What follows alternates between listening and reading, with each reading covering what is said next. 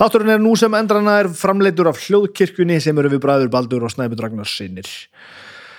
Á mánudögum bjóðum við upp á Dómstaga, á þriðudögum bjóðum við upp á Kokkaflakki í Eirun, á miðvikudögum bjóðum við upp á Drauga, fortíðar á föstudögum bjóðum við upp á tvo þætti, það er nei, hætti nú alveg með Vilanaglbít og besta platan, en á fymtudögum Eins og í dag bjóðum við upp á þennan þátt hér þar sem ég tala við fólk. Þetta er þátturinn Snæbjörn talar við fólk. Yeah.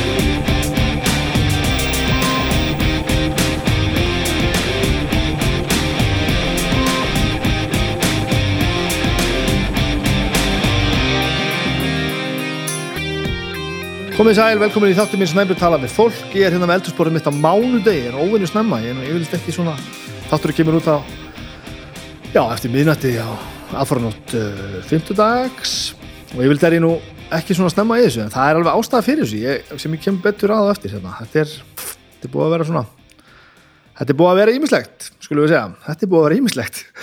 Um, ofbúslega margir búin að hlusta á Birgitu svo því síðustu viku, Birgitu Högdal uh, tekjaði því, hefur ekki búin að því það var mjög merkilegt samtal og frábært í alla staði. Um, og bara frábært hversu margir er að hlusta á það og allan, allan allt saman sem ég, ég er að gera hérna og við kannski hljóðkirkjan. Um, sambandi við þetta við tala Birgitu vil ég endilega segja það eins og enn uppátt ef ykkur líður ítla, ef þið vitið að fólki sem líður ítla ekki láta þetta hjálíða gera eitthvað í lutónum, þetta þarf ekki að vera svona og látið þetta ekki fara ítla þetta getur bara breyst mjög hratt á mjög stuttum tíma þannig að það er fólk sem er tilbúið að hlusta bæði sérfræðingar og ykkar nánustu og ekki gleyma neinum. Mikilvægt, mjög, mjög mikilvægt. Já, margir búin að hafa samband uh, út af þessu byrgitu viðtali um, sem er frábært og glæsilegt en hefur þetta, hefur allt sína kost og galla. Ég ætla að koma kannski betur að þessu en þetta bara. Uh, mér langar að tala aftur um Ted Lasso við kláruðum að horfa á þessa tíu þætti af Ted Lasso. Hlusti, farið á og, og, finnið þetta og horfið á þetta. Við vorum að horfa á þetta á Apple Plus ég hef ekki hugmyndum hvort það er að horfa á þetta annars þar tíu þátt að serja 30 mínútur, mínútur síska hver, ég held að þetta sé sami gaur og geri Scrubs sem bjóða þetta til sem kemur kannski, skiptir ekki öllum máli. Las einhverstaðar að vera búið að hérna, framlengja þetta þetta er að vera allavega þrjár þrjú sísón og það gleður mig gríðarlega. Þetta er bara eitt besta sjónsamling sem ég við séð ever og ég er ekki að íkja þetta. Eh, hvað meira, já Star Wars, ég ætlaði að horfa á allt Star Wars frá upphafið til enda í útgáðuröð með öllu, með hérna Clone Wars teiknumyndunum og hann, öllum hinn teiknumyndunum og Mandalorian og öllu, öllu draslinu. Ég er bara búin að horfa á gömlu þrjár. Ég ekki að, hef ekki komist lengra sem er allt í lagi, ég er ekkert að flýta mér. En djúvill eru það góðar. Djúvill eru gömlu þrjá Star Wars myndiðar fyrstu ógeðslega góðar. Empire er best, það er þannig, við vissum það Empire Strikes Back, hún er best. Og, og hérna Return of the Jedi er verst. Það er, er ofmikið brúðum í henni. Það, það, eru, það eru brúður út um allt. Um, þetta er allt frábært. Ég ætlaði svo hins vegar að vera komin aðeins lengra. Já, ég ætlaði að vera búin að horfa á Phantom Menace sem er, er, er episode 1 hann er fyrsta myndin sem er með Jar Jar Bink og því öllu sem hann já, ætlaði að bara taka mig, taka mig stöðu hérna og var að fara að horfa. Þá hérna já, var ég aðeins trublaður ég er nefnilega hérna Óli sem er kokkaflakk á þriðutöðum hérna á hljókirkjunni hann er náttúrulega eigundum vínstúkunar tíu sopa á lögaveginum og ég, hérna, hann er mikill áhuga maður um lettvín og svona. Og ég, mér þykir lettvín mjög gott og ég drekk alveg slatt af því en ég veit ekki neitt. Og ég gleym alltaf öllu jafnöðum og ég hef ekki einhvern, veginn fulla metna fyrir því að hérna að muni því að kaupa mér vín og eiga og svona, það er mjög oft sem ég er svona einhvern veginn fæ gesti í heimsókn eða með góðan mat og eða bæði jafnvel og fatta þá bara ég á ekkert vín að því ég gleym alltaf að eiga vín. Þannig ég sagði við Óla hvort hann geti ekki bara hérna, hvort ég geti ekki bara fengi vín hjá honum reglulega, bara verið einhverju áskrift eða eitthvað, svo ég þurfti ekki að muna þetta sjálfur. Og hann náttúrulega framkvæmda maður greip þetta lofti og bjóð náttúrulega bara til klúb ekkert fyrir mig, heldur fyrir alla bara. Uh, og ég held að hann heiti bara Vínklúbur Vínstúkunar farið á Facebooki á hérna tí, tíu sopum, Vínstúkan tíu sopar og það er bara þannig að við, þú borgar bara eitthvað eitthvað, eh, hvað borgar ég? 14.000 kall held ég, held ég, ég var einsin í mánuði borgar 14.000 kall. Færið fjórar flöskur sendar með svona einhverjum upplýsingum, það eru náttúrulega mest náttúruvín en ekki bara eitthvað sem þeim finnst svona áhugavert. Og, og þá áttu þetta vín bara og veist svona alveg saman hvort þú ert eitthvað snillingur sem vil láta koma þér á svona einhver vín snillingur sem veist að e, já, vil kannski láta aðra velja fyrir stundum eða bara svona, svona uglur eins og ég sem veit ekki neitt.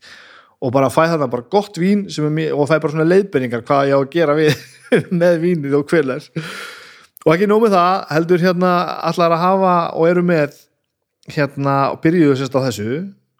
Virtual smakk sem er náttúrulega kannski svolítið svona hérna í anda COVID en, en getur bara, getur vel séða fyrir mér þetta myndi geta haldið áfram. Og fyrsta virtual smakki var þetta kvöld þegar ég ætlaði að fara að horfa á Phantom Menace.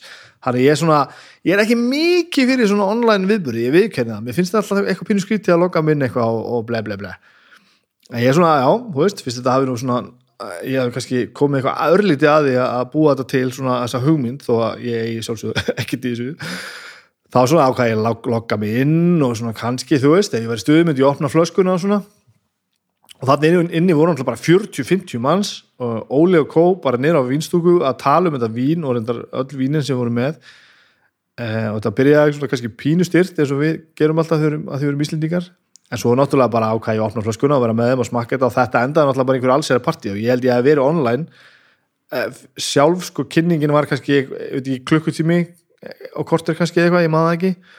Og eftir það var bara opið partí þannig ég satt bara og talaði við fullt af fólki sem ég þekki ekki neitt og þetta var ógæðislega gaman að drekka gott vín sem, ég, sem einhver verið að segja mér hvað var og hvernig var og þetta var, var briljant þannig að ég var að fresta Star Wars áhörun en, en hérna farið og tekkið á þessu. Það er náttúrulega ekki nómið að hérna, þetta sé gaman heldur eru við að styrkja uh, og styðja við fólk sem er að reyna að halda lífi í, í, í businessnum, sín, sínum. Og, og bara ef fólk er að gera eitthvað svona skemmtilegt þá eigum við bara að vera með. Fariði, já, þetta er allavega inn á Facebookinu hérna á tíu, tíu sópum eða sendiðu skilabóð eða eitthvað. Og gangi í klúbin og hérna við sjáum og snæðast ég held að þetta er einu sinni í mánuði en e, ef ég man rétt þá ætlum við að hafa auka núna með jól og nýjós og hafa hérna hafa svona árumóta vínsendingu þar sem við getum svona aðeins fengið okkur búbli saman. Að þetta var alveg fáralega gaman bara mæli svo algjörlega með. Hvað er nú meira gott? Uh, samstarfs samstarfið, auðvitað. Reykjavík Rósters, það hættir ekki neitt. Uh, Ég, við fórum nú bara á og við fórum á morgun date ég og, Agnes, við, það voru einhverja sér aðstæður í, í leikskólanum, átt að fara í einhverja ægilega menningarreysu með krakkana, þannig að við þurfum að mæta ekstra snemma með krakkana. Og við fórum bara beint þaðan og bara í brautarhaldið á, á Reykjavík Róstes og við fórum bara á morgun date sem var gríðalega resandi. Uh, ég uh, sko, hér kemur gríðalegt tips á sæðlunum hjá Reykjavík Róstes er nokkuð sem að Svenni Máum minnum var búin að segja mér frá því hann hefur stundar Reykjavík Róstes þá því lungu áður en að þetta samstarf koma á. Og þar á sæðlunum er nokkuð sem heitir eitt sett.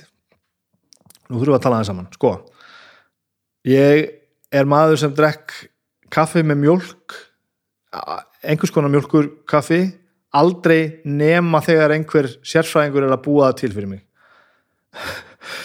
kaffi eins og, eins og sko latte eða cappuccino eða eitthvað úr svona vélum. Ég ekki mikið nála því, þá drekk ég bara svart kaffi. Ég bara tristi því ekki að það að mjölkur handeringin verði í lagi.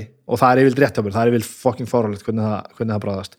En þegar einhver manneska sem veit hvað hún er að gera eh, er að gera kaffið þá er ég mjög til í, í hérna, eitthvað með, með, mjölk ég er svona cappuccino með eigin í lífinu, ég reddi þetta einmitt við torfa um daginn. Hvað, að því að maður veit ekki neitt.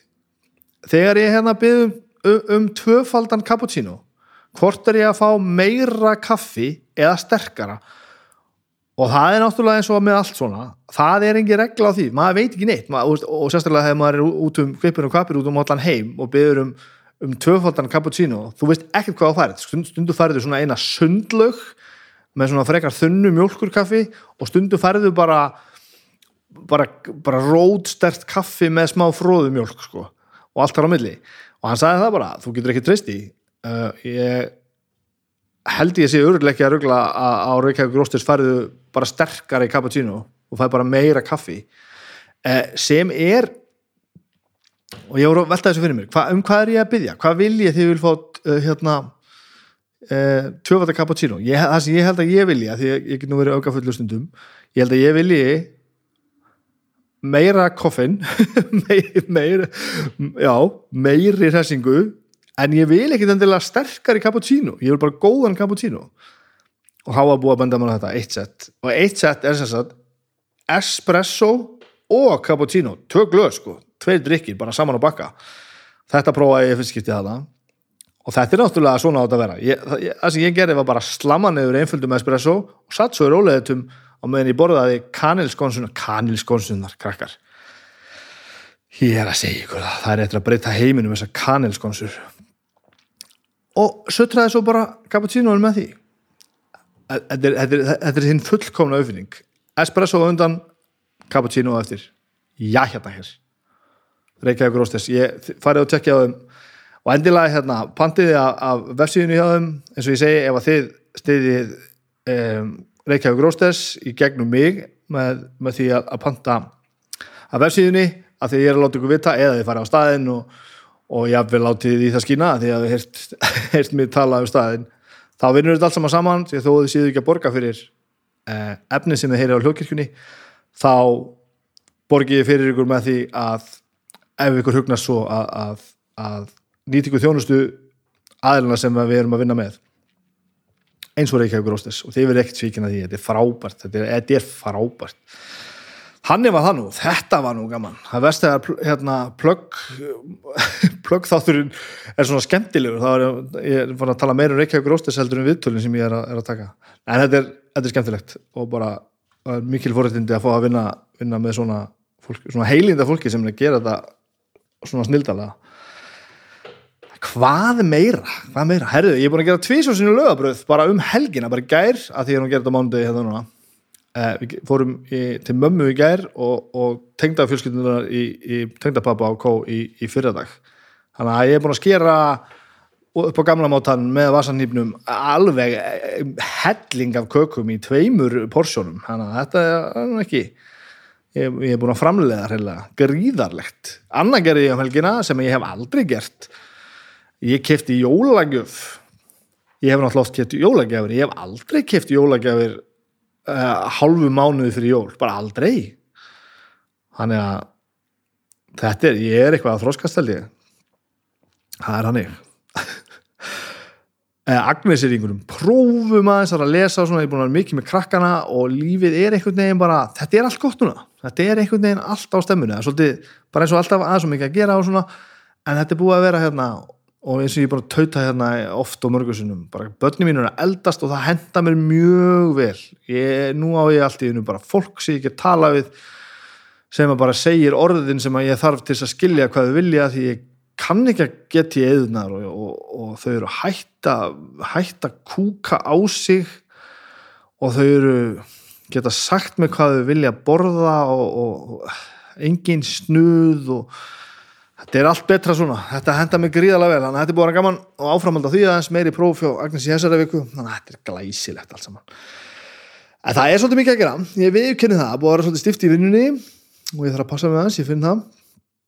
Og þess að ég var að segja að það var ótrúlega, við, ótrúlega viðbröð við hérna, viðtalinu við, við Birgitur núna síðustu viku. Og eins og þetta er nú ríkala gaman að sjá þetta badmitt hérna þá kemur alltaf að þessum tíma að maður svona einhvern veginn þetta hættir að vera bara ástriða og stuð. Og nú er ekki að gera, ekki að gera lítúr í hvað mér finnst þetta gaman og gefandi. Það kemur alltaf að því að maður þarf að taka slægin og finna það að það þarf að finna þessu almennilega pláss og almennilega tíma til að gera þetta almennilega. Og, og þetta er bara ég ætla ekki að nota orðið íþingjandi en þetta er bara að taka þess í. Og eftir þetta allt saman og ég er bara að horfi þú veist, maður sógast inn í það að vera að horfa á um, hlustendatölur, hversu margir er að hlusta á einhverja vinsaldalista og ég er búin að vera að spá mikið í, í samblönduna af, hérna, af, af, af viðmælundum en að hafa þetta svolítið fjölbreytt, passa kynja hlutfallega sjálfsögðu gera hitt og þetta passa sig að hérna, gera þetta eh, gera þetta allt saman eðli málsins samkvæmt bara nógu vel. Ég er aðeins að vinna mér í hægin hérna fyrir jólin ég er búin að taka fleiri viðtöluðans heldur en ég er vanur til þess að geta tekið smá jólafrí og svona og svona, svona áfram og áfram. Og svo er besta platan líka og alls konar hlaðvarps, alls konar. Og ég var hérna eitthvað farðist til viðtal sem ég átti að taka í dag. Í dag er sem sagt ég tala þetta er mánudagurinn sjöundi. Farðist aðeins til þetta viðtal og ekkert mál með það og ég er svona á ég ekki að vinna mér enn frekar í, í hægin fyrir, fyrir jólafríð og taka bara, reyna að bóka þennan mánudag og þá fann ég, ég fekk bara svona oh, mikið en ég ekki að hugsa um hugsa um þetta. Uh, já og ég ger, já, já, já. Og þetta var einmitt, ég var aðeins búin með einmitt flöskuna í, í vinklubnum hjá, hjá tíu sopum. Þetta var eftir fjarkynninguna, fjarfundin mikla. Þannig að það var aðeins komið í mig það var gott, ég tek mjög, mjög oft uh, öðruvísi ákvarðinni þegar ég er aðeins í glasi. en það eru yfirlega ekkert verri. Það sem betur fyrir missi ég dóngröndin ekki ekki verri svo að ég kannski aðeins færist færist hérna vísirinn. En, en yfirlegt er þetta ágænt sjúmyndur ég hugsaði með mér, nú verð ég bara að finna aftur fyrir bara östnögt af hverju mér finnst þetta svona gaman. Ég ætla, nú ætla ég að taka bara eitthvað svona einfalt viðtal sem ég veit bara mér langar þess að taka og ég ætla ekki að pæla neitt í neinu. Og, og þess vegna er gestur þáttarins er Hlinu Pál Pálsson frákvæmdastjóri í Íslenska dansflokksins. Það er bara vegna þess að hann er sennilega einn allra áhugaverðasti maður sem ég hef kynst í setni tíð. Við erum bara þekkast í, í rúmlega ár, eitt og hálft kynntumst fyrst þegar ég byrjaði að spila Dungeons and Dragons aftur, núna held ég fyrir alltaf sem ég hefði eitt og halvt ár síðan, ég veit ekki, það geti verið og maðurinn er snillingur og hann er stórkostlegur og ég bara fann það á þess að við höfum eitthvað verið og ég mitt ég vissi ekkert um hann þannig, þannig að mér þótti mjög áhugavert að fá hann í spjall til þess að líka bara kynnast hann betur. En þetta er líka svolítið tilrun af því að e, ég held að sé þannig og eðli málsins samkvæmt að það hlusta mögulega fleiri eftir því sem manneskjan er innan allra gæðsalapa frægari og það er pyrrandi það er eðlilegt og ég skilða og ég ger þetta sjálfur. Auðvitað náttúrulega líka, þetta er ekkert spurningum að sleika sér upp í fræga fólki heldur er svona álitlegar að fljóta litið að hlusta á og horfa á eitthvað um hluti sem að þau þekkir aðeins til.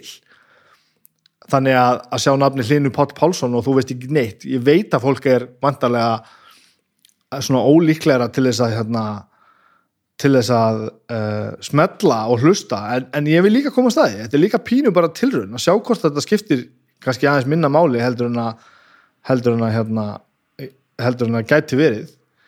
Og hérna líka bara muna ég, nú verður ég að passa með að vera ekki bara alltaf tölur og, og hérna uh, elda tölur og, og, og einhverja eitthvað, ástæðan fyrir stama hérna ég er að fletta upp þessum skilabóðum sem ég senda honum hérna á lögvæðskvöldi kl. 12.35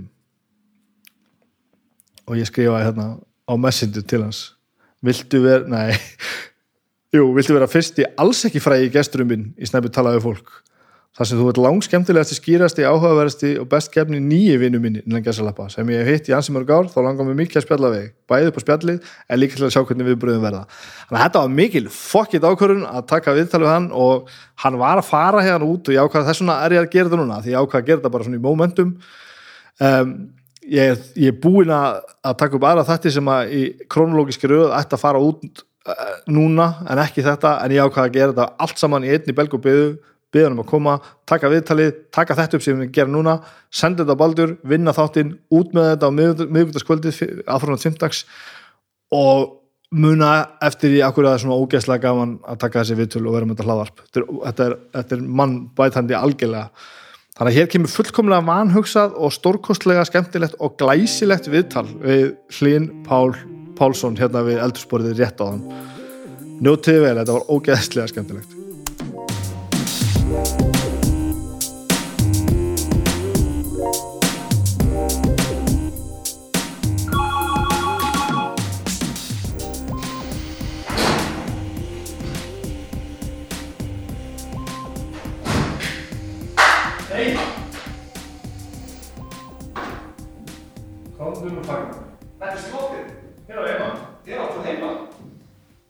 Já, já Hvað segir þú annars?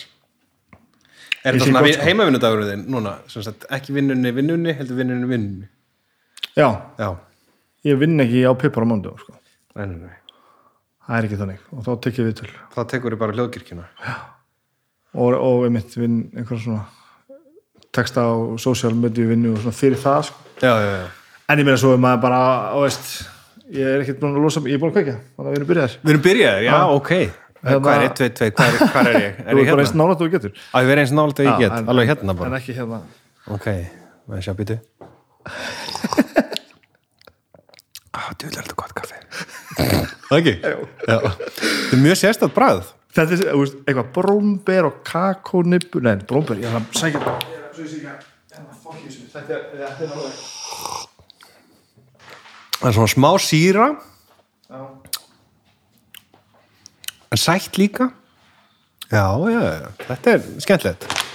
Kakónibur og brómber, ég var ekki að ljúga þessu sko. Já, þetta er skemmtilegt, já. Já. En ég er með full, fullan brúsa af einhverju sem er ekki svona sem er bara, sem bara kaffi. Já, þetta hann er stærra brúsanum er stærri brúsanum er hafa la, la ska, ka, kaskat, nei, þetta er það.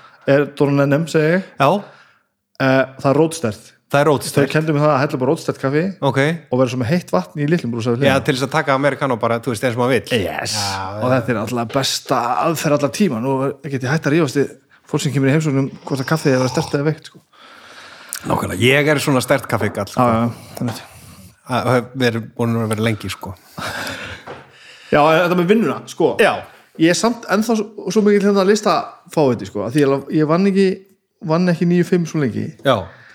að ég, ég vann ekki vann ekki 9-5 svo lengi já Setta að ég bara hérna stundum bara þó ég sé ekki vinnunni klukkan er ekki á milli 9 og 5 dagana sem ég á að vera á pipar, sko þá stundum bara verði ég að vinna pínu, sko þú ert aðeins í vinnunni, aðeins alltaf. Já, það er ekki pressa, pressa vinnuna frá Nei, sko. nei, nei, nei, nei. heldur ég bara einhvern veginn ég veit það bara, ég gegnum það frá því ég var bara einhver listaspýra og eitthvað svona sko, sem ég náttúrulega svo sem er kannski enn en tresti minn á að, að, st- að stundu kemur þetta bara og þá verður maður bara að koma sér niður sko. Já, já, já. Stundu fæ ég þetta- bara einhverja hugmynd og ég, ég, og ég reynir, ég passa mig geðt til því að vinna ekki heima sko. Nei, nei, veist, ég er ekki ég skil vinnuna eftir í vinnunni sko. En svo komum bara stundum moment og þá segi ég bara upp að þetta herru, ég ætla að taka þetta kortir ég, mér var að detta eitt í hug og ég ætla að koma í svona blað. Og ertu þá með svona minnisbók eða Já, ég er yfirleitt gerði í tölvuna sko. Já, já, já. en ég ger, hef líka gert það bara, og líka til að gleymi ekki að ég gleymi sko, krota, já að bara og, og, og það er ekki bara spurningum að gleyma. Að því að stundu kemur maður bara í vinnuna eitthvað, 12 tímum eftir að hérna fegst þessa hugmynd sko og þú einhvern veginn byrjar ekkert á henni og þá bara einhvern veginn kemur hún ekki alveg eins til. veist, þetta er moment til að móta hana, Já. eða svona, setja hana. Þannig að ég opnaði, þú veist, eins og mánudum þegar ég er ekki að vinna á pipar sko, ég opnaði e-mailið og ég er svona, að já, já, já og þú ert ekki hérna stimplað inn til þess að Nei. ég kannast við það en þú veist, kona mín, eh, þetta er mjög fyndið við erum bæðið svona vinnualkar sko. Hún vinnur mjög mikið fyrir mjög lítinn pening. Forðlega fræðingar eru, það er eiginlega merkilegt hvað þetta er hérna. Þetta er alveg, þetta er alveg bara stöðug vinna og, og a- alltaf hugssjón þetta er sem að voðalega fáir skilja en allir eru svona, jú, jú, emitt, forðlega fræði svona Indiana Jones og eitthvað. En hún svona, hún eh, setti mikið út á þetta einu sinni hvað ég á með að skilja á milli sko, og skilja á milli ekki bara vinnu og heimilislífs, heldur líka bara vinnu áhugamáls uh, dóti mitt og heimilislíf. Það rennur allt saman í já, eitt. já, já. Uh, en, en við erum orðin, það er orðin betri skilningu núna sko þú ert ekki um betri? Nei, nei, nei, hún er bara, fann að umbera þetta betur. En þetta er, þetta er svo ótrúlega áhugaverð umræða þú veist, af því að þú veist, hvað er allar að, ge- hvað er allar að gera þetta sko? nákvæmlega. Og, og, og, og þá líka af hverju og hver, veist, hver eru rökið með á móti þetta allt saman sko?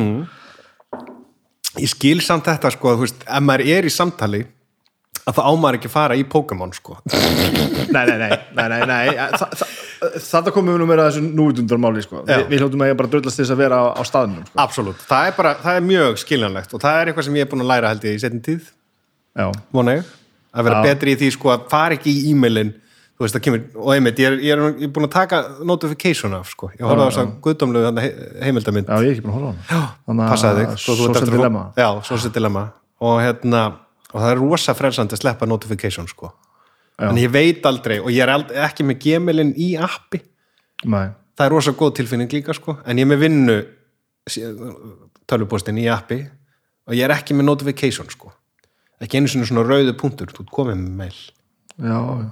Það er rosa, það er rosa gott að vera lausið það sko Já, ég held að ég sé ennþá í sjálfsblekkingunni að það sé nóg að ég er alltaf með síman og silent sko. já, nei, já, en það er verra, af því þá er ég alltaf að kíkja á hann af því ég, ég geti verið að missa einhver er þið komið með eitthvað? Já, þannig að þetta er fókt upp sko. eða svo að segja með þannig að skilja milli líka með sko vinnuna og, og, og dótið og allt saman já, það er eitt sem ég fann þegar við fórum að gera meiri tónlist eh, eins og það er frábært og, og fórættind að fá, fá eitthvað fyrir það sem þú ert að gera. Þú veist, bara geta að fara að spila á tónleikum að kemur ykkur og, og bara borga sér inn og kaupir plundaðinn og bólnaðinn og þú veist.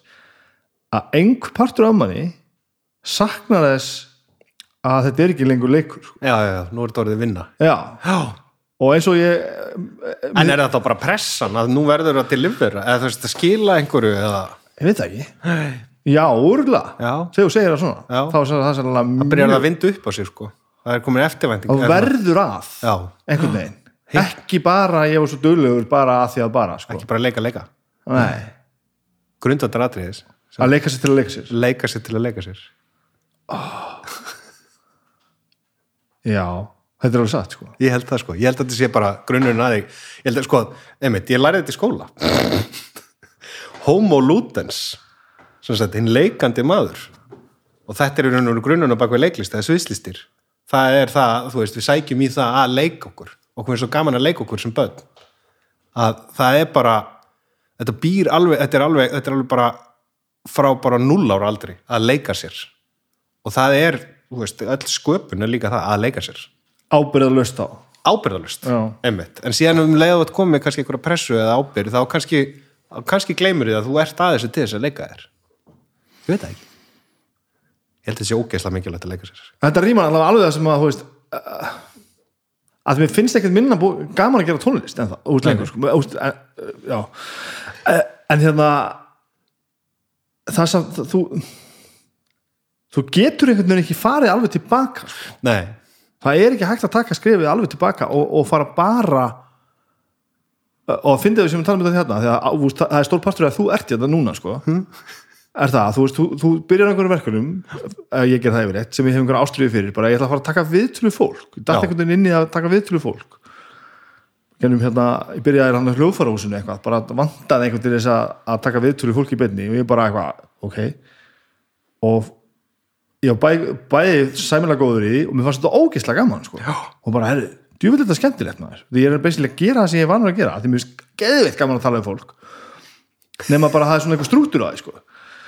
Robert, svo bara fyrir ég að stað með þetta og allt fyrir að fullt og, og, og svo einhvern veginn gerist þetta alltaf, þú veist. Þetta er orðið einhver svona þetta er orðið einhver svona business að einhverju leiti sko. Já. og þú hætti einhvern veginn að, að réttlæta tíman sem fyrir þetta að og þú verður að delivera á sama tíma þetta er einu sinni í viku og já, já, rútina og tekjur líka. Tek, þetta er tekjurskapandi já, já, þetta veist, verður að vera. Veist, ég, bara, þetta er ekki bara að leika þér. Nei, þú ert fullorðið maður. Nákvæmlega. Og þá er þetta strax orðið eitthvað pínu svona strempið sko.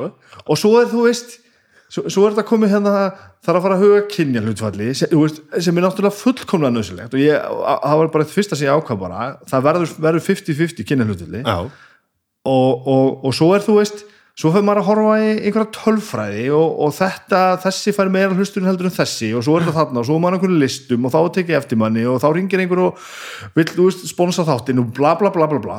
Og ég hefða, þegar ég sendi þér póstirinn um daginn, sem er bara örfáðu dag síðan já, á Messenger þá var ég í þessu dilemma, ég var bara akkur er þetta og nú er þetta ekkert bara gaman lengur. Já, nei, nú er þetta ekki bara skemmtilegt. Og ég hugsaði bara, nú ætlum ég, nú ætlum ég, nú ætlum ég bara að nú, nú ætlum ég að slaka öllu og ég ætla að fá einhvern spjall sem er ógeðslega auðvöld að tala við og ég ætla ekki að taka tillit til neins annars heldur að það vera hillilega gaman að fá og bara hver getur það verið, það má ekki vera eitthvað svona besti vinu mína því að það er, þú veist, mér langar það ekki. Nei, og svo bara liður svona tíu sekundur þá bara, ok, ég ætla að skrifa, ég ætla að tekka honum og þess vegna ert þú hér sko þess vegna er ég hér þú, þú, þú, þú ert þetta að því að uh, það er engin hugsun á bakvið að fá þið þáttil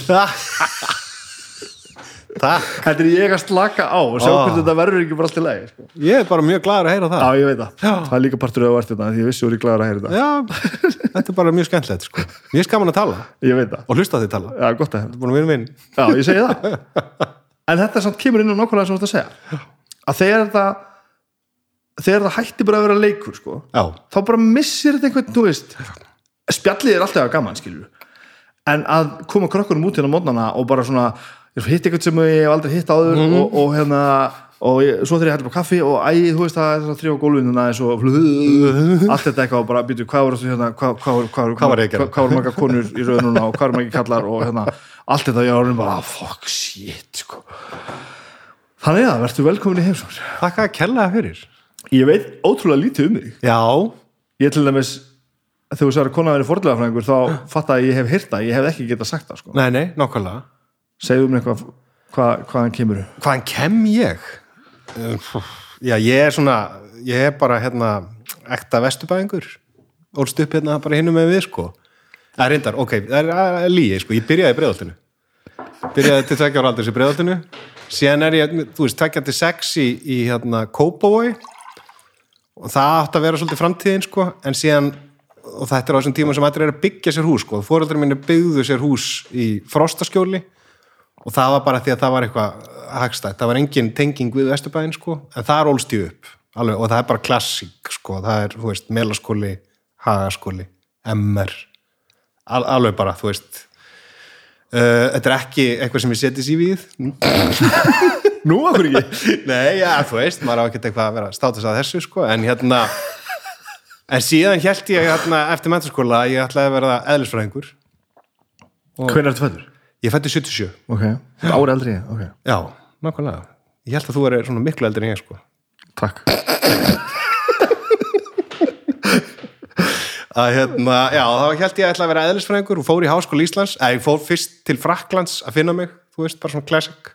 Aftur sem ég segi classic, þetta er ekki uppáhald þegar maður þetta orð, sko. En allavega, um, já, fór þangað og var aðalega bara sötur rauðvin og borða osta og, og hérna, já, bara uh, slæpast.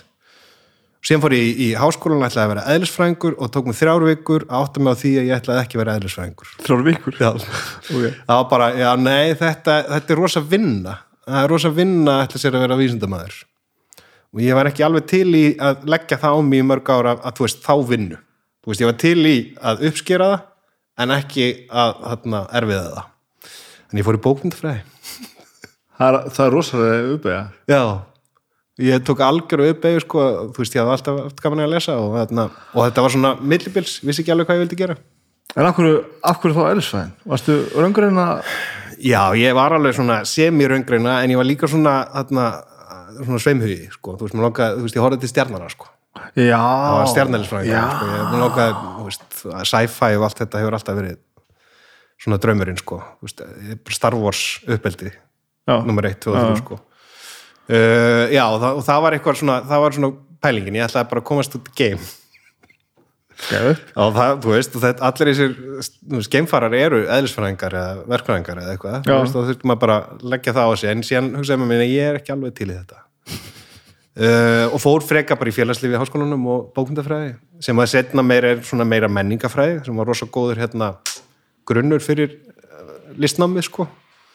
Og ég hef alltaf verið í leiklist alveg, bara frá, og með, þú veist, með öllu skóla allir skólagöngunni, sko. Tók svona smá tímabil í, í hagaskóla sem að var, það var einhvern veginn, það var önnur típa af hóp þar sem að ég var ekki alveg fjall ekki inn í, sko, eða ég misti af að því ég bjóði út í bandaríkjunum sem, í áttundabæk, sko, þarna hálft árið. hvað? Uh, pappi er prófessor, kannski þess vegna sem ég ætlaði að fara í raungrinnar. pappiðin er próf Já, prófessor Páll. Hann er prófessor í, hérna, í verkfræði og mammi er leikskólakennari. Uh, þannig að ég fekk mjög gott uppeldi. þetta er fólk sem veit hvað það er að gera Já, það vissi nákvæmlega hvað var að gera. Mamma er kvennalesta kona og pappi er svona ekta krati. Er svona, það er svona algjör jafnaði mennska og hérna, sem er, ég er alveg upp á hérna, mínu heimili í og aktíft alveg, svona eftir á mamma var, ek, já, hún var alveg svona dálítið aktív, sko, ekki í framlínunni, en hún var alveg aktív í, þarna, í hugmyndafræðinu og, og innræta manni svona ákveðna hugmyndafræði, sko, sem bara ég er mjög glað með, mjög fegin. já, pappi með ekki svona aktífur myndi ég segja, hann, hann er svona hann er meira svona tilbaka með það en, en svona líkur ekkert á skoðunum sínum sko, enga síður. En hérna og var hann þá að fylgja jobbinu út í, til bandarækjana já, þetta er svona prófessorsleifi þryggjára fresti þá fara þær út í, í leifi eh, leifi, þú veist, að vinna í öðrum háskóla til þess að sinna rannsóknum og líka veist, bæta við sig sko, þekkingu Hvað, hérna, afsakaðu fá, fáfræða mína Já. Hvað er prófessor?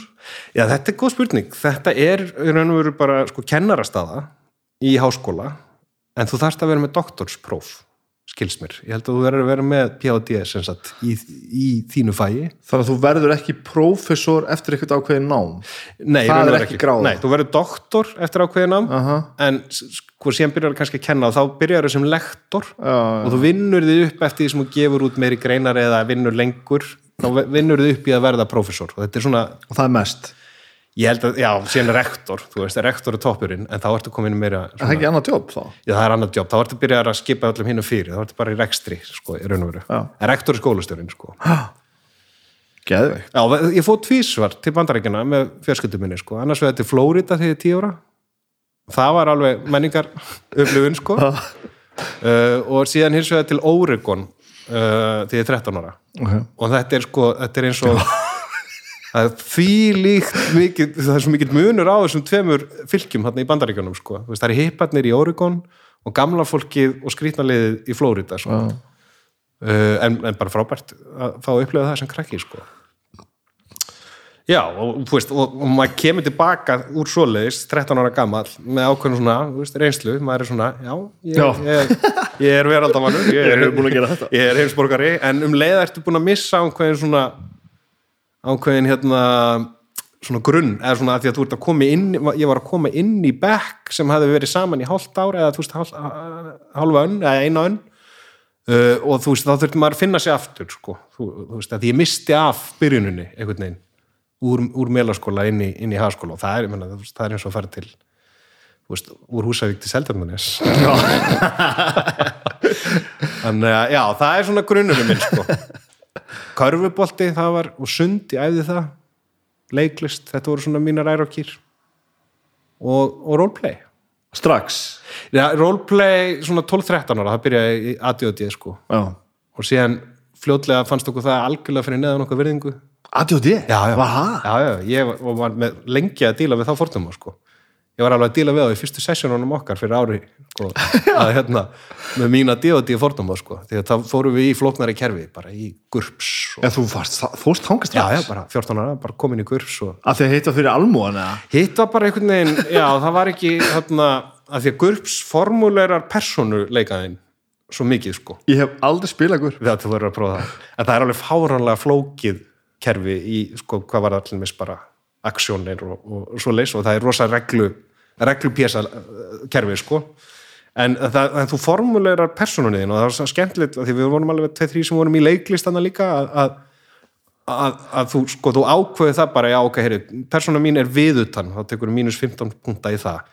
Uh, hann er kvatvís uh, og þú veist, þú byggir upp persónuleikar síðan þarf að fylgja þessu ramma. Já, þú getur ekkert ákveðið bara í næsta, næsta skipti sem við spilið, nei, ég ætla ekki að vera kvatvís Nei. vera, nei, það, það gengur ekki þú ert, þú ert þessi manneski Já, þetta vantar stundum í D.O.D. Ég, Já. ég sammála þessu Já. Þú getur farið svolítið á milli sessjóna og verið svolítið bara einhver annar já, næst já, og oftast er maður bara maður sjálfur, eða þú veist, Já, eða, já. þú veist nema í okkar hóp og þú kannski hlustandi, hinn almenni hlustandi, veit það ekki en við snæpjum, við spilum D.O.D. saman og við höfum mjög gaman að því.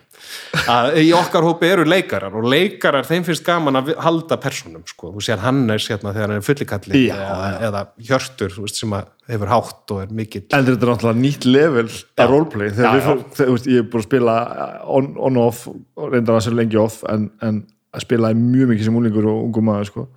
tala ég svo sé ekki lengur ungum maður. Mm.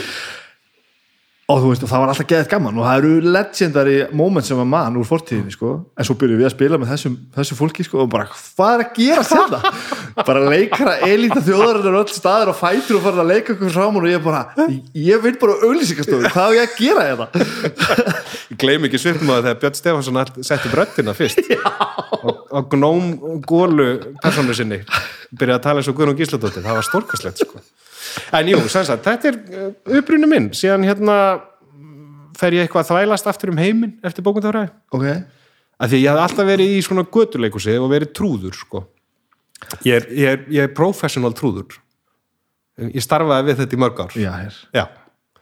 Og, og ég hef örgla komið í þinn heimabæ að skemmta sem trúður Já, ég er hrættur við trúða Já, ég skil ekki, það. ekki svona, þú veist ég, er ekki, ég er ekki með svona eitt fóbíu sko. Nei ég er bara hérna fólk sem er trúðar er, er eitthvað að fela þegar orðar að svona en það er eitthvað óþægilegt við þetta sko. já, þetta er, þetta og svo er einhver, einhver snobbfræði í kringum þetta sem að gera alla aðra alveg galna sko. sko, ég, þetta er samt bara já, þetta, sko, ég sogast leiðist út í trúðin af því að einmitt, nú erum við bara farin að tala um þetta þetta er mikilvægt að, að, þú veist, ég er svona þú veist, ég var trúðurinn í bekknum eða svona skemmti, þú veist, vildi hafa halda upp í fjörunu, sko Já. og síðan þetta maður inn í leiklist og það er í götuleikus og síðan byrjum við að hafa tekjur á þessu alltaf ung að selja okkur í svona götu svona, sem sagt, í svona þarna, í svona bæjarháttír Já. á sumrin, sko, bara ferðum við stuð á milli og fengum alveg fínan penning við komið umbóðsmann og allt, sko. Það og var vera bara- bara trúður meðal fólksins Já, bara bæði, veist, bæði trúðum meðal fólks. Við vorum ekki mikið í svona sviði en þú veist, að vera á stultum, blása eld Já, já, og allt þetta og síðan að gera svona skrýtna litla leikþætti fyrir börnin og, og þannig er ég og Óli Egil við erum og Ester talja við erum þarna ferðum með alveg stórkosleitt barnaleikrit sem var mjög ramt svona politically incorrect barnaleikrit en samt ekki. Það var alveg, þú veist, maður á að sætta sig við sjálfan sig og ekki reyna að vera eitthvað annar, það var svona inntakið en það var mjög vondar personur í því sko. Uh, og fórum að halla á akkur og allt þetta sko. Og ég, ég svona einhvern veginn sogast inn í þetta uh, og ákveð þarna eftir, eftir hérna eftir uh, bókundafræðina og það tók ég reyndar ár það sem ég vann í sögursafninu við að búið til svona sílikonbrúður sem sögursafni sem úr út að kranta Yes. já, það er stitt af mér þar sko. Ég er Böðull Jón Sarasonar. Nei, jú, jú, það er bara kíkt á hann, hann er ég. Það er legend. Já, já, ég á stittu sko, ég er bara mannstærð. En hérna að þá fer ég til Indlands og með félag mínum, hattakuna og við förum að, að, að skemmta í SOS Barnaþorpum. Þetta er eitthvað sem ég bara eh, langaði að gera. Að ferðast á milli Barnaþorpa svona munaðalessingja heimila og skemmta sem trúður. Af því að sko börn ástæðan fyrir að börn dyrka trúðin af því það er fullorðin einstaklingur að láta svo fíbl þess að þólir ekki fullorðið fólk trúðin af því að það er bara, það meikar ekki þessa hugmynd að þannig fullorðin einstaklingur að láta svo fíbl Þú ert vísindamæður Já. Þú ert að krifja allt svona. Já. Og allt þegar þú segir upp á það bara Já, það er rétt, nú skilja Jú, er þetta rétt maður. Já, þú veist, það er svona og þetta var, það var mjög, það var mjög góðu skóla en þar kláraði ég trúðin þú veist, þar, þú veist maður, maður klárar ákveðin bara svona banka í sér að hérna, já, ok, nú var ég búin að skemmta hérna börnum sem að alast upp við reyndar frábærar aðstæður, þú veist, komin úr emd og inn í öryggara kerfi. Eh, og ég gerði þetta bara þrjá mánuði bara ferðast á milli barnaþorpma í, í hérna á Índlandi og það, bara, það var það bara búið. Og þú veist, síðan held ég að ég myndi bara fara Hversu lengi segir í þrjá mánuði. Í þrjá mánuði? já, já. Og síðan tókum við eitthvað smá til Thailand. En þar varum við ekkert að leika, þar vorum við að leika okkur og aðeins til Vietnam og, hittum við okkar í Kína líka. Ári, Hvað hva ári eru við? við erum að tala, þetta var svo frábært að ferðast þarna, að þetta er uh, haustið 2002 ári eftir 11. september. Það er enginn að ferðast. Nei, nei, nei. Það er allir svo nájaðir sko. og hérna og það er, það er mjög fáir að ferli en samt allt fólki sem maður hitti maður einhvern veginn og það opnaði algjörlega heimi fyrir manni að þú veist það voru allir á okkar aldri alveg á sömu bylgjulengt bara með þú veist heiminn og, frið og, og þarna, við erum öll eins og við erum öll í öll og allt þetta. Og já, það, það var rosa góður góður hérna upplifun. Við, hérna, ég lærið, lærið mikið að því. Ég get eftir ímynda með það. Það er allir að fara út í heim eftir háskóla eða mennskóla eða eitthvað. Það er allir bara, þú veist, vonandi er hægt að ferðast eftir þetta ár. Já, ég á þessu. Um, Að því sögðu þá þurfi ekkert allir að fara að heiman í tvö ár. Nei, nei og það þarf enginn að gera neitt. Ég fór einmitt bara, nei, nei, það þarf enginn að gera eitt. Nei. en, en ég finn samt þú veist, ég fór bara smá flakkað einhvern tímann Já. og bjóð svo í framhald af því í Danmörku í tæft ár. Alveg í kaupmanahum, skilur við en það breytti svo miklu, sko. Já, bara vera ekki heima hjá sér. Já. Og bara, þú veist, þú öðlast sjálfstæði þú bara þarft að, standa á einn fótum. Þú sérð bara eitthvað sko, þú þarft ekki að fá eitthvað gríðalegt menningasjokk nei, nei, nei, nei. en, en þegar, þegar systemið er, heilinni er fattar bara, já, það er ekki allt alveg eins og heima hjá mér. Já, já, nákvæmlega. Bankin hérna, hann virkar ekki eins og bankin hjá mér. Já, já. og það er í lægi sko. og ég held að þetta slái ótrúlega mikið á rassismann alveg um leið sko. já, já, bara með því að fatta bara hei, þetta er engin lögmál já, já, að það, það sé að fara hérna að fá pilsum með tómasinnum og stektum og allt undir sko. Það er ekki lögmál. Og þetta litla bara ég, það, veist, þannig ég segi það bara svo nákvæmlega með þér. Þú, þó þú farið bara út í mánuð sko. Já, já, og þó þú farið bara til þú það skiptir engum máli hvað það er, bara sjá eitthvað annað en þetta hérna sem er hér sko. og, og ekki bara hótelbarinn og já, þú verður aðeins að búa þar sko. já, og vera það sko, Já, þannig að ég, þá kem ég heim og uh, fer að vinna í þjóðleikusinu Ég hef alltaf vinnið í leikursi með námi, ég vann í uh, Iðnó og ég vann í á loftkastalanum og fer að vinna sem sviðsmaður og sýningastjóri í, þjóðleikusinu aðalega sviðsmaður en svona komin inn á litli sviðin þar. Þarna búum bókmyndarhæðina Þannig búum bókmyndafræðina sko. Og ég held að þetta væri bara svona og þannig er, þú veist uh, er ég líka með mína leikkópa þú veist, ég er alltaf, alltaf að búið til einhverja leiklist svona á kantinum sko. Svona sjálfstæði leikkópa þannig er svona sjálfstæði sennan uh, að rísa sko. Að svona að að stækka tölvert sko og ég held að þetta væri svolítið svona ég var eiginlega komið svolítið nóg af leikhúsi eftir þann tíma. Ég held að leikhúsi hefði ekki nógu mikið upp á að bjóða sko. Þegar það opnaðist þetta nám, sviðsöndanámið í, í listafaskólanum og það bara sprengdi allar pælingar hugmyndir um leikhús. Og var það, það hérna, fræða framkvæmt já, fræð og framkvæmt sem sem, fræð sem, og sem, síðar varð sviðsöndabraut sko. og það, þú veist, það var rosa holt og gott að fara í það. En varstu aldrei að fara að verða, verða leikari bara? Jú, ég held það reyndar, ég held það alveg þegar ég var í mennskóla að ég ætla að vera leikari sko. Uh, en síðan er þetta þessi, þetta sé ekki að ég er svona, ég, eins og ég er mikill sveimið þá er líka svona raun, þú veist þá er ég svona, ég þarf að hafa eitthvað svona smá botn eða svona eitthvað svona eitthvað, eitthvað til þess að, sem ég skil og bara svona, veist, já, heyrðu, þetta er hérna borð þetta er, þetta er borð, borðið. Uh, og það var svona eitthvað ákomóti og, og hérna og svona, þú veist, ég horfði á alla vinni mínu sem voru geggjaði leikara sko geggjaði leikara og ég hugsa með mig, ég á ekki séns í þessa leikara sko. nei, nei. um, og sem var heldur að vera rétt ja. ég held það sko já, þú veist, nei, ég- nei, nei, nei, nei nei, nei, nei, nei, nei, nei, nei, nei, nei. við skulum aðeins átt okkur á því að, nei, hérna að, jú, jú, ég held að hérna, ég hef alveg geta verið ykkur svona á kantinum sko, en, en það, mér langaði það ekki sem fekk ég bara meira kikk út af því að vera baka tjöldin sko Já. uh, að, að hérna að búa til sýninguna þú veist, hvort sem það var á sviðinu eða halda utan um eitthvað pródusjón eða, og svona einhvern veginn leittist út í það að vera pródusent sko. Uh, og að því að síðan hugsa með mér vákvæði fegin að þurfi ekki vera að gera þessa sýningu hundra sinnum alltaf eins. Veist, ég held að þetta sé algjör martröð að vera leikari þannig er ég alveg sammálaði sko. en, en minna þú þekkir náttúrulega leikara eins og ég og Já. það tala um hvað þetta sé frábært sko.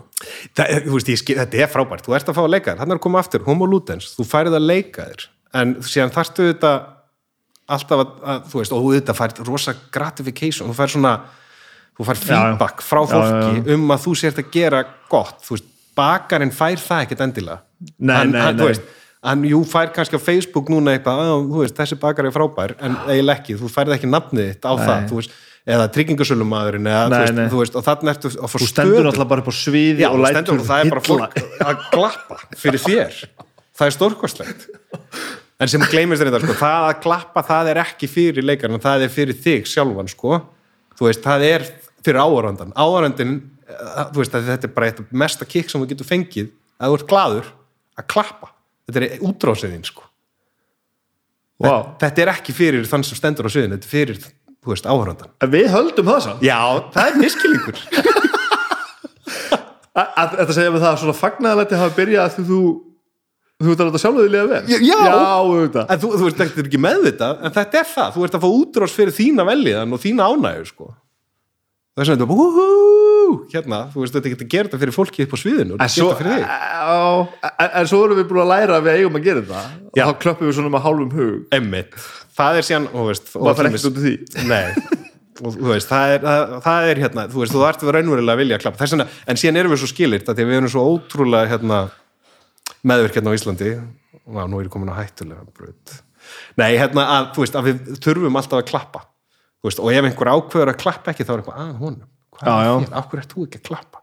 Eða það kemur standandi uppklapp, eins og gerist eiginlega alltaf nánast í frunsinningu, einhver situr, þá er það svo mikið diss já, en það er raunverulegur réttur hvers og eins að bara, þú veist, ég, ok, ég ætla að klappa fyrir þér en ég ætla ekki að standa upp fyrir þér ég, þó allir, er, ég, ég þarf ekki að fylgja innum Nei. en það er samt auðvitað rosalegt rosaleg sögn og þú veist, ég skil það að fólki finnst byrju, byrju, byrju, byrju, okkur stóð hann ekki upp En þannig að við á einhverju grensu á milli meðvirkni menningar, staðbundina menningar bara hvað týðkast heima á þér og kurtisi sko. kurtisi, einmitt, ég er kurtis sko. ég, veist, ég stend alltaf upp þegar ef einhverju staðin Já. upp, þá fer ég með sko.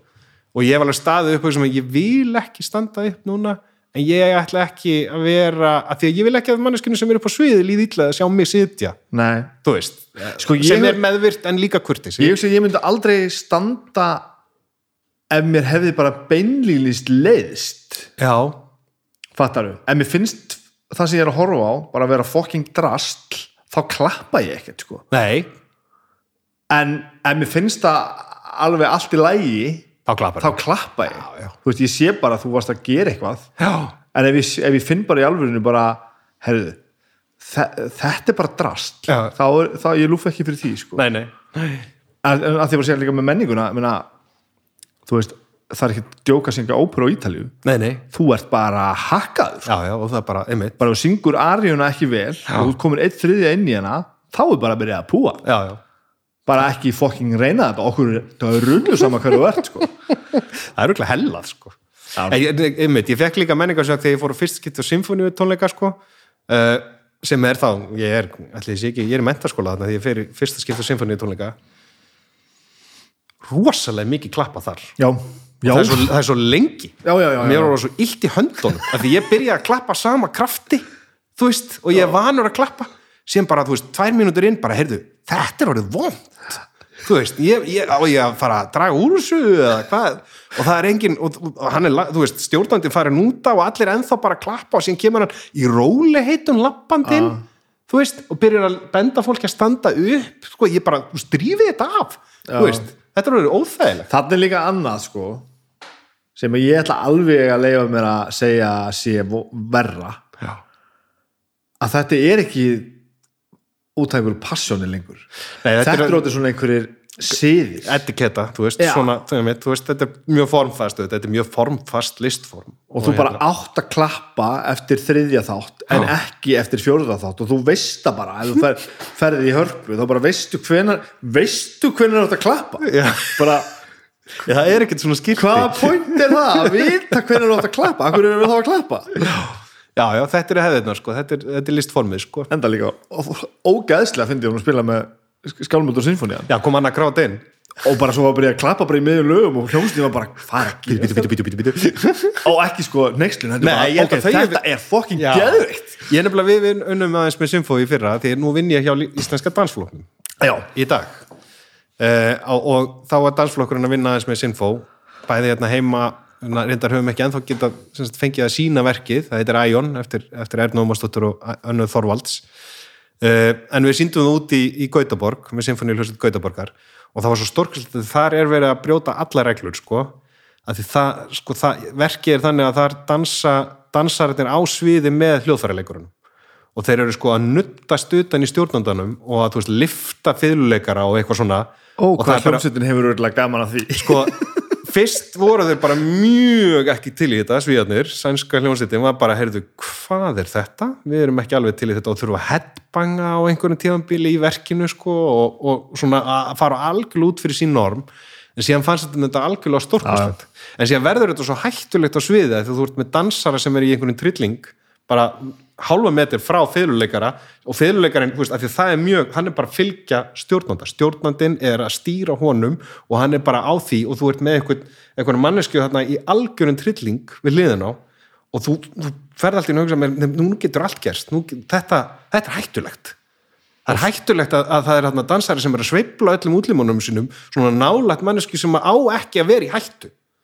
Og er með 35 miljón krónar fiðlu. Ég fyrir auðvitað það og það var gaman sko, það var mjög gaman. Og ég horfði stundum, sko, ég sá þessa frumsynning út í Gautaborg og ég leit stundum aftur fyrir mig og svipurinn á fólki, það var svona 700-800 manna salur og það var bara opin mynd og það var svona, svona raunverulegur ótti í augunum en um leið ykkur ánægja og gleði og svona hugsa með sér, þetta er geggjað.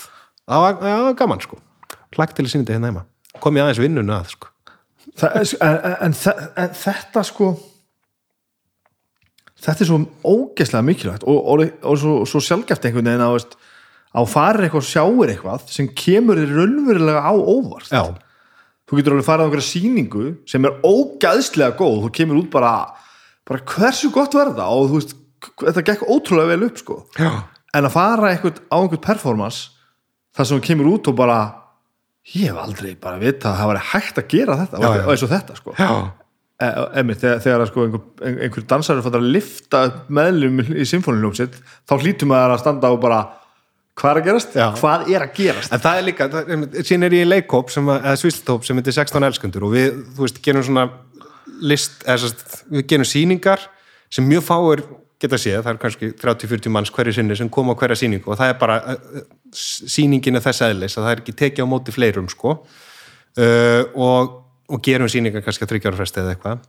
Og við gerum sýningu fyrir nokkrum árum eða tíu árum að verða uh, sem hétt Nígeríu svindlið þar sem við vorum að vinna með þetta fyrir bara Nígeríu svindl og vorum í, í samskiptum við Nígeríu svindlara og vorum að reyna að svindla á þeim og vorum með þá bara live símtöl í sýningunni og, og svona grunnurinn á sýningunni var að við gætum gert betur. Við Íslendingar værum, þú veist þetta verið tækifæri fyrir okkur eftir hrunið að, að fara út á þessa braut og við vorum að selja það svindla við ættum að sko að því að það er þetta, þú veist ætlaði að geit að, það, það er eitthvað svona sem er eitt svindlið, þú veist, adopta goat uh, að hérna og við vorum með sko adopta farmer eftir eigafjallajökuls fjaskóið.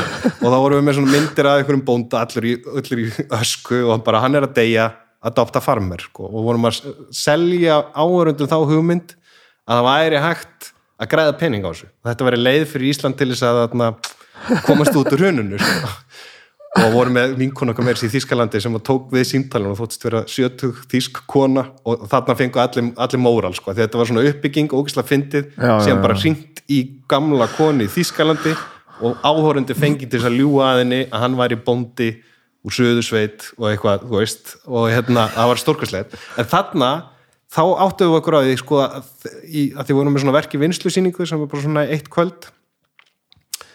Og sjá svipin á fólki og við tölum við, veist, við nokkar eftir það og fólk svona sem við þekktum ekki. Og það var þessi hugmynd sem var laust niður í kollinu á fólki var sko, má þetta? Veist, má gera þetta á sviði í já. og það er svo geggja þegar það maður nær því. það er það sko. Þegar maður veit ekki hvort það má eða ekki. Og, og ekki bara með því að þú veist að- að kúka á sviði nei, nei, ekki bara eitthvað, þú veist, það er ódýrt sko. ekki eitthvað, svo, eitthvað heldur eitthvað sem að þú þart í alvörun að velta fyrir er, er við á réttum st- já má og, þetta? er á einhverju svona egg, knýfsegg, þú veist, þú veist ekki alveg hvort það er, Af því að það, þú veist, það eru sumir litur, það má ekki drepa manneski á sviði, við vitum það.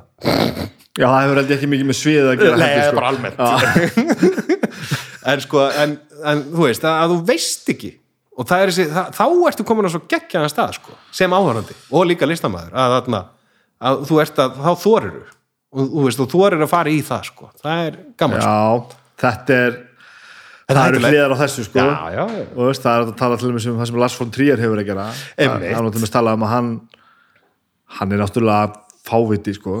Ég held að það sé vel hræðilegt að vinna fyrir hann. Eh, það gerir, það, það breytir í ekki hvað hann hefur gert heillandi hluti sko. Já, já, emmitt en ég minna hann er náttúrulega auðvitað held ég með hvað, hversu margir best að tala valega en all- allavega hafa margir sem hafa unni með honum hafa eftir á stíði fram og náttúrulega bara tala um sem já, óbeldismenn sko. já, og þeir eru sumir það, þessi snillingar, sko, ekkert allir, alls ekki allir. En hann, hann náttúrulega hefur að, bara sagt það sjálfur að hann gengur það langt á settinu og hann býður eftir því að einhver stoppa hann sko. já, já, já, nákvæmlega. Og það er eftir leikari með þetta sama. Bara, erum við, getum við gert þetta? Já, má þetta? Má þetta sko? Og hann bara leifir öðrum að ákveða það. Hann hann bara gengur bara eins langt og En það er kannski hættulegt að ert komin á einhvern status. Og það er enginn sem stígur fram og segir heyrðu, Lars, þetta má ekki. Þetta, þetta bara gerum við ekki sko. en þetta er heillandi. Já, já. og við erum alltaf sömu slóðum. Og, og auðvitað alltaf þegar þú ert einhvern veginn að augra og, og það þarf ekki að vera mikil augrun. Ég þekki þessi viðbröð hjá Sinfoníljónstinni bara þegar þeim var bóðið að spila í 120 decibelum með, með þungarhljómsett fyrst voru þið ekkert ána með þetta. Nei, nei. þú skrifar ekkit upp á þetta. Nei, það var ekki þetta ástæðan var, var ekki ástæðan. Þú, þú æfðir á óbóðið í 20 ár. Nei, nei. Og ert komin í Sinfólinust Ísland sem er geðvikt Já. svo koma bara einhverjir órakaðir bjánar og ætla að fara að spila hátt sko. en svo er með þetta eins og allt annað sko. að, og maður finnur þetta sjálfur. Um leið og einhver kemur um einhver allt annað áttaldur en þú og þú bara svona, ó, ó svo finnur þú að það hefur verið að gera hlutina heilindum og vel, já, þá var alltaf til já, já, já, auðvitað. En, maður skinnjar það, ekki spil, ég ætla að fá mér meira kaffi. Já, Það til þess er það. til þess er það. En já. Ég, ég veit til dæmis ekki hvað ég myndi segja að þú veist, ef það kemur dansari og myndi vilja fá að lifta mér þegar ég er að spila bassan sko. Ég, ég þyrst alveg að eiga hérna samtalið sko. svona, svona í alvörinni ég var til í að sjá það samt. já, ég, þú veist, ef þetta komið aftur að því ef þetta er velgerst, þá, þá, þá er þetta hægt sko. þetta er aldrei góð hugmynd nei, ég tek alltaf lokið alveg já, af sko. maður á að sko tappa það Heyrðu, það þarf ekkert að bæta vatni í þetta, þetta er bara mjög gott sko. Það er heyra. Herru, hvert voru komin? Þú hérna fræðu framkvæmt, þannig að þú farin að veistu þá vantar að þú vilt gera meira í þessu, þessu Ég, ég fer í þetta nám að miskilingi við? að þetta er fræði og framkvæmd. Ég, þú veist, þarna er ég búin að vera pródusent í einhverjum verkum og hugsa með mér, já, það, það get ég lært að vera pródusent. Sem þetta er ekki það nei, nei, nei, nei, þetta er bara þetta er svona, þú veist, þetta er Talandi bara um miskilingi, ég haldið þetta í- öll þessi ár. Þetta er raun og veru frábær grunnur fyrir sko all, alla sviðslistir og þú veist, þú, þú, sem, síðan sérhæfur þið eftir þetta, þú veist, ætlar að verða leikstjóri eða ská, leikskáld eða, eða performance artisti sem að þú veist, stundum við kalla gjörningalist er ekki alveg, veist, það sem að myndlistin var búin að vera að stela svolítið af leiklistinni eða sviðslistinni. Já, já, að stela, fá svona draga til sín og síðan er þetta búið að vera svona veist, þetta er búið að vera að mætast á miðri leið. Leikmynda hönnuðir geta, þú veist, þetta er góðu grunnur fyrir alla, alla sem vinna í leikúsi uh, en það er ekkert í þessu námi sem kennið er að vera pródusent sko. En nema það bara það að þú ert að uh, pródusera þína litlu þú veist, þín litlu verkefni. Stöðugt sko. En það sem þetta gerði var sko að þetta sprengdi algjörlega ramman af hugmyndi mínar um hvað leikús væri. Sem ég, var búin að fá svo mikið leið af leikúsi með sko prósenjum bara, þú veist, fjórðavegnum uh, þú veist, upp að miðja endi og allt þetta svona þetta, þú veist, jú, það eru til frábæra þannig sýningar. Og ég er ekki að segja að það leikur sé dögt eða sé búið, það er, þú veist, í grunninn er þetta bara að segja sögu. Alltaf, en, en síðan er maður búin, veist, búin að fá sig einhvern veginn búin að vera orðin bólusettur á einhverjum tíðumpunkti, að ég var allavega á þessum tíðumpunkti í mínu lífi. Og það var svo gott að fá bara eitthvað allt annað inn, sko. Uh, og, og þar einmitt í því námi þar þurfti að ganga mjög þú veist, við urðum að myndbekkur var það hérna, að, að hérna fjölmiðlamáli sko. Það var hérna eitt verkefni, skólaverkefni ég var reyndar ekki í því en ég var vitnaði og þar hugsaði ég, nei þetta má ekki að hérna, að þá er að þá eru þið að vinna með grótesk hugmyndir um grótesk, hvað er grótest og við vorum eitthvað að vinna með þorrablót og eitthvað. En, en þar sem sagt pissar einn nefandi á annan nefanda og það bara fór allt á hliðina. Að pissa í leikúsi, þetta má ekki. Og í listaháskóla Íslands. Þetta má ekki. Og okkur fannst þetta, þú veist, jú, okkur fannst þetta þetta var alveg þarna, þetta var alveg í anda verkefnisins, sko, þú veist. Þetta, þetta er ekki til fyrst skitt sem að fólk pissar á sviði, eða kúkar eða nei. eitthvað slíkt, sko. En jú, þetta er vendað umhverju og þarna er, þú veist, jú, og það er kannski það sem gerði þetta verra var að það var kallmaður að pissa á konu þú veist, og, það, það, og þá var þetta svona en það var allt með samþykja og þau, þú veist, þau, þau eru indisleg fólk allt, sko, en þetta fór bara í fjölmiðla og varða að rosa fjölmiðlamálu, ég man að sko, fræð og framkvæmt fekk bara á sig stimpil bara, heyrðu, þetta er eitthvað það er eitthvað rámt í gangi þarna. Við hvaða aðstæður var þetta? Var við að setja upp þetta var í bara, nei, þetta er svo skemmtilegt hérna, skemmtileg uppsett ná með að þú, maður læri leiklistasögu sko, í praxis og tekur sko á þriðutas ef mann ekki, hjá okkur verður allavega á þriðudegi og tekur fyrirlestur um eitthvað tímambil í leiklistasögunni og á föstudeginum ert að búið til verkefni upp úr því. Og þú veist, þá eru til algjörlega, og það er kannski 5 minútna, 10 minútna verkefni og það er skipt í hópa og þú veist, þarna eru dansnemar og leiklistanemar og fræð og framkvæmt saman í já, ég skilji, ég skilji, já, já, já. Og er að vinna og þeir eru svona að blanda saman þarna listformum eða hvort það dansnefnarnir voru held ég ekki í þessum leiklistarsögu kurs, allavega Uh, og, og það er verið að setja, þú veist, það var, veist, það var búið að taka Grikkina og Shakespeare og, þú veist, var, og, veist, og þá var maður að vinna með það eða á mótið að bróta þau upp eða, þú veist, að, að gera stuttverkefni upp úr, upp úr leiklistasögunni. Og þarna bara var, var verið að vinna með svona uh, ákveð tímabil í, í þarna og, og svona karnivalið, þú veist, þegar það er verið að afhelga og verið að gera allt sem má ekki. Já, þú veist, mómentið, þarna mómentið og það, þetta er bara algjörlega í þarna, í verkefninu, hluta verkefninu sko. og síðan er þetta bara sínt fyrir nefnendur og þetta er bara innan skólans. En það lag út sko, sem var kannski ver, verra, ég veit það ekki. Og þá var allt villast það er bara blaðamál og, og hvað þetta er stór merkjöld að velta þessu fyrir sér Já, af því að svo hvað sko? Nákvæmlega, þetta er bara hluta þetta er bara verkefni skóla. Og af hverju af hverju finnst mann þetta ekki í lagi en ég þurfti alveg að verja þetta á þessum tíma er ég líka að vinna í atvinnuleikursi sko, sem sviðismæður áfram er þarna í þjóðleikursinu og, þarna, og manna eftir í útskrifist að fór ég að vinna í borgarleikursinu og þurfti ennþá, og það ennþá, þetta var ennþá talað um þetta sko. og það þurfti að verja það að, að fólk, þú veist, innan sko í skólanum, þú veist, það, það er vissulega hérna vendað rými, þar má maður gera mistök líka. Já, já, það er ámaður að gera mistökin það er ámaður að prófa sig áfram og, og, og það hefði verið fáranlegt ef kennarinn hefði stokkið upp og farið að stoppa þetta Já. það hefði algjörlega verið fáranlegt sko. þetta er hugmynd sem verður til í, veist, í, með samþykja allra í, í hugmyndinni og hluti af sko, hugmyndafræði þess, þessa verkefnis já, en allavega það var rosa gott nám, fannst mér það var ekki kannski það sem að allir voru að leita eða, veist, og það hefur þróast og, og það hefur komið meiri leiðsögn held ég í það að, veist, að vera til mér það vantaði mjög mikið leiðsögn upp á það að vera leikstjóri, það voru margir sem ætluðu sér að vera leikstjórar en fengu kannski ekki þann kurs já. um, en fóru síðan bara í framhaldsnám þá út og, og rosa góða grunnur ég hafði rosa góðan grunn úr bókmyndafræðinni af því að það er svona menningafræðin þú veist, það lærum maður um allt, all, alla þessa isma Já, já, já. og þú veist, það er bara mjög öðvöld að heimfara það inn, á, inn í svislistinnar sko. og síðan eftir útskrift ætlaði ég bara að vera leikstöri það var, það var markmið sko. fórst inn í námið ætl, ætlandi að vera leikstjóri? Nei, ætlaði að vera producent já, síðan kem ég út úr náminu sem er ætlaði að vera leikstöri hvað, hvað kallar þú pródusent í þessu sammingi? Producent er í raun og veru, þú veist, bara framleiðandi, þú veist, að, hérna, að vera, hérna, að halda utan um praxísina Í leikhúsinu í bara, já, í bara, þú veist, sjálfstæðum leikhópi og þú veist, ég er ríkilega góður í svona sækja um styrki það, Já, er, já. það, var, það er svona mitt forti Þessi, þessi, að láta þetta ganga já, og þú veist, að tala inn í hluti þú veist, og eitthvað og, þarna, og síðan að láta það ganga, þú veist, að, að skila þú veist, ekki mínus og, og aldrei að skilja plús, menning á ekki verið plús, það er uh, bara grundvallar hugmyndafræði hjá mér sko. Mhm. menning á bara að vera menning þú veist, ef þú ert fann að græða mikið pening þá má minka niðurgrislega, ég sagði þetta ekki uh, ah, ah. nei, menning á bara að vera fyrir fólkið sko. Byttu, byttu, byttu, byttu við. Já, býttu nú, opnaði ég einhvern Pandora's box. Oh. En það lúta að vera einhver limit á þessu?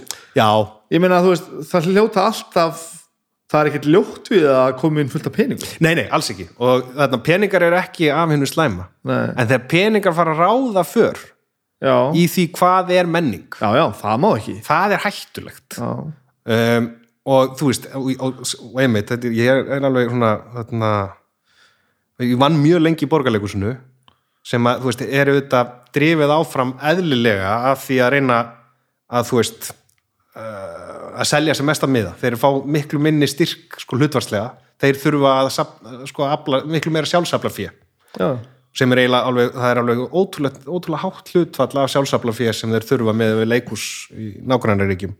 Og þar leiðandi þá verða þær að setja upp, þú veist, góðan söngleik eða góðan farsa Já, já. til þess að fá fólkin í leikúsið til þess að nýta þann pening sem kemur þar inn til þess að búa til leikúsið eða þú veist, sýningarna sem maður er kannski ekki að selja mikið, veist, þetta, þetta er þar.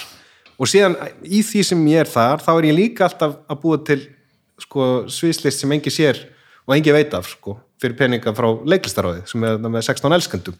Þú veist, þannig að ég er inn í, veist, algjörlega inn í miðjunni og algjörlega á jæðurinum í, þarna, í mörg ár sko og sem sameinast síðan í íslenska dansfloknum sem er svo frábært því að þar, Já. það er svona, þú veist, jaðarmenning af þessu leiti að það er ekkit, það er ekkit rosalega margir sem kaupa sig inn á dansýningar en það er hámenning, þú veist, það er, það er þú veist, það er alveg á parið þarna með þjóðlúkusið og symfónuljóðst íslensk, mm. óper íslenski dansflokkurinn og dansinn sem slíkur er þetta bara svona, bara svona grunn tjáningaform bara, þú veist, það er eins og að leika við, við lærum að dansa mjög snemma og mér finnst ógeðslega gaman að dansa þangað til einhver miskilningur kemst inn hjá okkur að það sé ekki töff að reyfa, eða þú veist, að maður fyrir að vera meðvitaður um sig og líkama sinn. Og, er og þetta er bara eitthvað efni í þvílíka rannsókn, hvað, það er þú veist, sem stoppar okkur. Hvað er það sem stoppar okkur? Að þessi síðan, þú veist, um leið og komin í mennskóla og byrjar að drekka, þá aftur byrjar að dansa. Þá má þetta vera algjörlega hömlulegs og þú veist í því sko og finnur hvað þetta er gaman en einhvern veginn tengir það bara við skemmtarnalífið, þú veist, þú ert ekki bara eitthvað heimaður að dansa. Ég hef aldrei tengt við að dansa. Þú voru aldrei tengt við að dansa? Nei, það er aldrei fengið bara svona mómentið þetta er geggjað. Þegar þú hefur kannski ekki verið í því mómenti. Jú, Já. en það hefur alltaf haft með einhverja neyslu að gera sko. ég man alveg eftir mér á gólfinu á 22 alveg þú veist. Mm. en það var miklu meiri bara félagskapurinn og grettan og, og einmitt, á, og veist, víman og, Já, já. og, og En þú verður að prófa það á svona lunchbeat þegar það kemur aftur, það verður aftur. Það er trillt sko. Það ferður bara í háttiðinu já, ég er aldrei að fara að gera það. Jú, ég ætla að draga það með mér, en það fer eftir þú veist, það fer auðvitað eftir tónlistinni. Það þarf að vera góð og þú veist það er ekkit, veist, tónlist er svo mismunandi og þarna en það fer eftir veist, ég eitt svona eftirminnilegsta moment sem ég átt á dansskólfi var á mjög svona suppulum stað í Glasgow og það kom bara Billie Jean Michael Jackson kom á fónin það er bara, þú veist, og, og allt í og það er, allir, það er enginn að dansa. Það er bara ógislega hávar tónlistin svona ekta íslensku bar og allt í einu ákveða allir já, að fara út á dansskólu og þú veist, 30 sekundur sekna áttar maður að segja á því að það eru allir í trilling. Já, já, já. Það eru bara allir, og þetta er Billie Jean þetta er bara svona lag sem maður hefur heyrt miljónsinnum sko, já, en það er, Það er eitthvað í þessu það lagi. er eitthvað í þessu lagi, sko, nákvæmlega. Og síðan bara um leið og lagi kláraðist þá settust allir aftur. Já, já, já. og þetta var bara lengdin á læginu og síðan allir farnar að tala aftur og enginn að hlusta á DJ-n en bara, þetta var bara svona moment sko. þá er svona moment þegar maður átta sig á því og maður er stattur í momentinu hvað þetta er geggjað að reyfa sig sko. síðasta skipti sem ég dansaði var í brúköpi á Böbba og Jónu vina fólki okkar mm. Böbbi Skálmöld, Jóna og við vorum bara það var ægilega fallegt sumarkvöld sko við í félagsemili vorum bara ídulum og ég er bara, bara úti að spjalla eins og ég ger alltaf á öllum böllum og öllum samfagnir en þá var ég einhvers staðar aðeins afsýðis að tala já, já. og Böbbi, besti vinnu mín hann kom að greip hjókslunum og sagði Bibi, ég gifti mig bara einu sinni drullaðurinn að dansa. Og ég sagði jöp og ég gerði og ég dansaði að mér raskatti sko alveg. Um, það, var, það var gaman já. en það var bara gaman að þetta var þetta sko. Já, já, þetta moment, einmitt. Þetta moment, er, sko- þetta er ritualin, þú veist, þú ert í þínum hóp með þínu fólki, með góða tónlist. Já, en ég bara ég fæ ekki þessu köllun, bara aldrei sko. Nei, ég man eftir að hafa fundist gaman að dansa gömludansana við kellingarnar á breiðum minni sko það er eina dans og mér fannst það gaman Þið fannst það gaman? það var einhver struktúr út gamall? læra ég var bara örgulega svona 6 til 12 ára Ok grípa um hliðaspikki á gömlu kellingunum og, og taka upp almennið hald og, og, og, dansa eftir einhverju struktúr sko. læra sporinn og það var eitthvað við það sko. Sko, ég kemur úr stóri fjölskyldu sískinu mömmu minnar þar sem maður var alltaf bara hist á gamlás já, og þá var dansað. Wow. og þar er eitt kallinn uh, Hilmar, sem var maður frænkominnar heitinnar. Og hann var svona, hann var svona, svona rockabilly dansari. Eða þú veist svona, þú veist, dansa rock. geðvikt og hann kendi okkur krökkunum bara að dansa rock. Þú veist, hann og Sæmi rock, þú veist, hann var bara þar að dansa rockdans sko þegar hann var í gýr sko að dansa og þú veist, ég fór að læra rockdans með frænku minni. Þegar mér varst það svo geggjað. Þú veist, að taka lifturnar Já, og, allt þetta það er geðveikt. þannig er ég bara eitthvað 7-8 ára og bara fannst þetta algjörlega trillt sko. En þetta var bara einu svona ári. Þá dönsuðu allir bara þessi í nótina en þetta komum við að líka öðru í samöndu við mig og dans sko. ég er að tala um, þetta er framkvæmdastjóri íslenska Jú, ég er einmitt framkvæmdastjóri þetta er einmitt eitthvað sem maður á að segja við framkvæmdastjóri. Íslenska- að hérna, ég kann ekkert að horfa á dans Nei, og ég skil þetta ekki, eina skipti sem mér finnst ég fæ eitthvað ótrúið að horfa dans Já. er þegar einhver gerir eitthvað sem mér finnst ótrúlega að einhver geti gert. Já, svona, svona íþrótta afrökkið Já. svona, já, já, já, bara, Í- Þetta er, þetta er alveg góða punktur og veist, þetta er eitthvað sem við höfum verið að reyna að, að bæta að, og, það, og þetta er bara eðlilegt. Fólk uh, þarf að læra á þetta form. Og þetta er til dæmis, ég hef oft notað þessa líkingu sko til dæmis, þarna félagi minni tónlistamæður og, og hann átt traumatísklega upplifun að fara í leikhús einhvern tímann og fann svo leðilegt hann hugsaði með sér, ég ætla aldrei aftur í já, já, mitt en það kostaði þetta pening, þú veist. Þetta kostar pening. Og þetta er alveg fyrirhöfn. Þú bara ferð á staðinn, sest Já, já. niður. En þú veist, hann kveikir útvarpi og það er leðilegt lag og hann hugsaður ekki með sér, tjúlið aldrei að hlusta tónlist aftur. Nei, nei, nei, nei, að nei. það er ekki sama fyrirhöfn. Þú getur Já, bara, já. það er bara miðillina þannig þú veist, eða bíó, það er ódýrara og það er einhvern veginn aðgengilegra þú veist, og kannski og aðgengilegra form kannski, uh, en saman með dansinn, þú veist, það er mjög erfitt að þarna, kannski hafa sig á stað þau sem taka sjensinn, ég ætla að vera að eða hérna 4.000 krónum eða 5.000 krónum í, í mið á danssýningu þú veist, þetta er kannski ekki alveg efst í huga allra. Nei.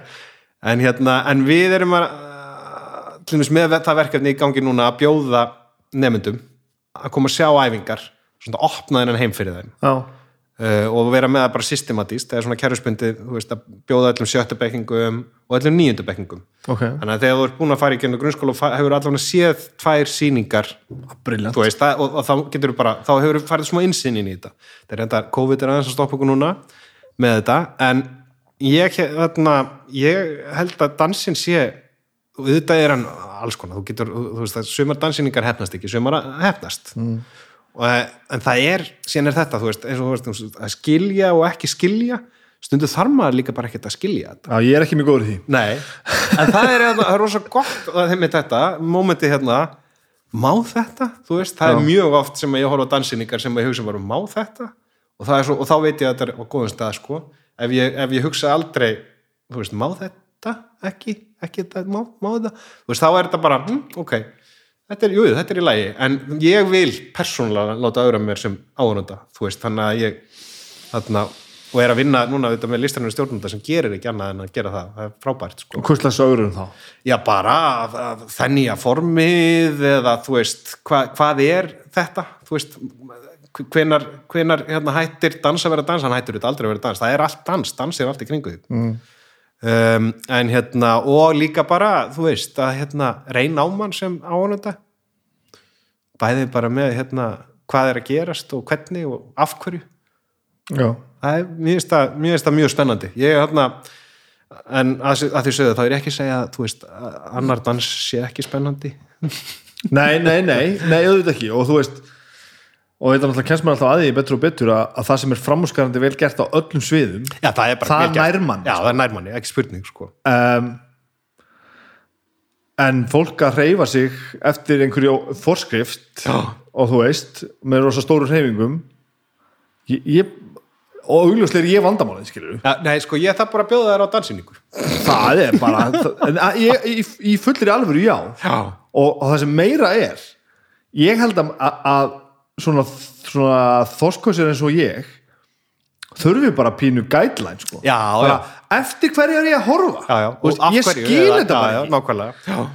En það er sama með dæmis bara abstrakt málverk sko. þú veist, þú skilur það ekki en það er eitthvað stundum sem bara, þú veist, þú maður hefur aldrei dottið inn í bara málverk það sem er bara, jú, það er ekki, eitthvað mótíf það er ekki eitthvað sem maður átt að skilja það er bara eitthvað, hvernig litirnir eru samsettir Já. eða formin, og þú sem er já, þetta er vel gert. Ég rekst oftar á abstrakt myndlist heldur en abstrakt dans já, já, hann, já, hann verður sjálfnar á vegi mínum sko. en, en, en síðan, þú veist, ég, fyrir mitt leiti ég er ekkert mikið að hlusta á mjög abstrakt tónlist heima hjá mér, þú Nei, nei. veist. Og ég, þarna er ekki, ekki, þú veist, á mörgum minn, þú veist, vinnu minni séu þar að, hérna og ég er ekki að gera lítið úr því, ekki. Ég er ekki að gera lítið úr ykkar smekk. Nei. er þetta verkefni frækastjóra íslenska dansfólksins það er svona að passa sig að gera ekki lítur öðrum. Þetta er ríkistofnun hérna, en já, herðu, sagt borgarleikusið það er stór kapli í mínu lífi sko. já, komdu maður Já, það er nefnilega að því að ég útskrifast úr fræða og framkvæmt sviðsöfunda náminu og ætla að vera leikstjóri og heft sambandið þá hennandi leikustjóra og hún presentar þá um þetta hvort ég get ekki verið bara aðstofaleikstjóri í verkum. Að því þú veist ég hafði ekki fengið verkværi sem leikstjóri en mér langaði að, að þú veist að kynnast öðrum leikstjórum. Og hann sagði, jú, já, við erum þetta ekki með hérna, launaða stöðu sem aðstofaleikstjóra en við vantar sýningastjóra og að- þú veist, hann vissi, ég hafði starfað hjá hann um áður, það var Magnús Geir Þórðarsson Ertu búið með fræða að hann er ég útskrifast sem fræða framkvæmt sko. bara beint uh, 2009 2009, já. Um, og hann vela minn í borgarleikusið til þess að vera sýningastjóri og sviðstjóri á litlasviðinu en með þeim svona, þú veist að ég fengi uh, einu sinni tvisur ári að vera aðst, svona aðstofaleikstjóri og sem er bara var ótrúlega góðu skóli og ég var þarna inn á litlasviðinu í fimm ár og ég bara átti heima þar. Það var bara mjög mikil kyrsla það voru frábæra sýningar sem að gengur margar þú veist, 170 sýningar bara og, og, maður, og, og, og þegar maður er svona sýningarstjóra á litlasviði þá er maður svona eins manns her heila. þá er maður að halda utan um alla þræðina og Já, já. það var rosa góðu skóli og, Þú ert vantilega mjög góður í því. var mjög góður í því það var alveg, en síðan bara fekk ég bara nóg, eða þú veist og líka því að ég var búin að horfa á eða ekki vera með í uppbyldi barnanum minna, aðeins og lengi sko. Já, þetta er alveg þar. já, þú veist, bara því að all helgar og all, þetta er svo mikið helgar og kvöldvinna sko, sem maður er frá, og síðan þegar þau eru í skólanu þá maður kannski, þú veist, að mæta þrjú fjögur eða eitthvað, maður einhvern veginn bara rakst ekki alveg saman sko. þannig að þá ákvæði ég bara svona, herrið, nú er þetta bara komið gott og ætlaði bara að hætta í borgarleikusunni uh, og gerðist framkvæmdastjóri á Reykjavík Dansfestival sóttum þar, fekk það Reykjavík Dans Festival. já, sem er þá svona sviðslista hátíð sem var þá haldin einu svona ári en var sprengt út í að vera haldin þrísvar, fjóru sinum ári jafnvel. Um, og bara með þetta hafandi verið pródusent og þú veist og með þekkingu á sviðslista heiminum og fer ég inn í það. Og síðan var ég vélagar aftur inn í borgarleikusið að, því að þá verður sko leikustjóraskipti og Kristín Eistins tók við og hún fekk mig til þess að koma inn á skrifstofuna til þess að vera svona dramatúrk eða listrætt ráðunutur sem er mögulega flottasta starfseti sem ég hef fengið. Það er það hljómar vel, sko. listrætt ráðunutur sæl, hljómar að hérna í 50% starfi og 50% þarna sem þarna frangatastjóri Reykjavík Dansfestival. Og allir sem hafa verið í 50% starfi vita að það er ruggla verið í tveimur 50% Já, það er, ég mynd. að það er bara 200% störf og, og þú ert á 50% tekjum einhvern veginn. Eh, þannig að ég endist bara í ár í því og fór síðan alveg inn aftur inn í borgarleikusinu og þá komin á skrifstofana sem fræðslustjóri sem dramatúrk, skástrygg En dansfestival dæmið var það fyrsta skipti sem var svona bein, bein, bein beiti tengingu við eitthvað dans. Já, í raun og veru, fyrir utan bara eitthvað dans. eitthvað dans. fyrir utan þetta þegar ég lærði rockdansa Já, já, já, þið- sem sagt, í svona í, í einhverju svona uppsetningu á dans. Já, í raun og veru, þá var þetta svona fyrst, fyrst kynni mín af uh, dansheiminum hérna, danssenunni á Íslandi og þarna er það svo gaman sko að því að þegar á sama tíma og sko fræð og framkvæmt verður uh, nám hérna í listaháskólanum þá verður sko dansbraut líka í listaháskólanum Já, já. og það hefur orðið algjör sprenging í dansi sem svo, var svo þörf þetta var svo þarft í raun og veru að því ef þú spáir í á, nú ætlum ég að sprengja heila niður, þetta tilbúin Nei, en já, Nei, hvað ok. það? Eh, það eru mörg þúsundi barna aðalega stelpur sem að læra dans og æfa dans sko tugþúsundi myndi, myndi ég halda þetta eru það margir skólar og allir koma að sjá dansinn hjá þeim Þú að tala um á heimsvísu. nei, hérna eh, á Íslandi Ha? já, þú veist, það er jazzballett það er hiphop dans, það er ballett það er, það er rosalega þetta er rosalega stór sena í svona í frístundastarfi Vá, ok. þetta er risastórt og þetta eru risastóru skólar sem eru þú veist, hérna á Íslandi og ekki bara í Reykjavík heldur líka í Keflavík og allstað, Reykjanesbæ og út um allt sko. uh, og hverju ári veist, hverju önn þá er bara svona ein sýning þar sem að ömmurnar og afarnir og fóröldarnir, það koma allir að sjá þetta dans. Dansinn hjá barninu og barnabarninu. Og síðan e- eru þau sko eftir því sem að kannski uh, þau verða eldri krakkarnir þá þetta rjáttlast aðeins úr þessu og það eru ekki margir kannski sem að klára svona framhaldsbraut en það er þó töluverður hópur. Og mér finnst svo áhugavert að allir þessi sem að er í dansi og, og alast upp í dansi að þeir uh, sko þeir fara ekki að sjá líka þú veist, að því að það er danssýningar úti okkur þau fara ekki með börni sín að sína þeim hvernig, þetta er nú ertu að horfa á listans, atvinnudans sko.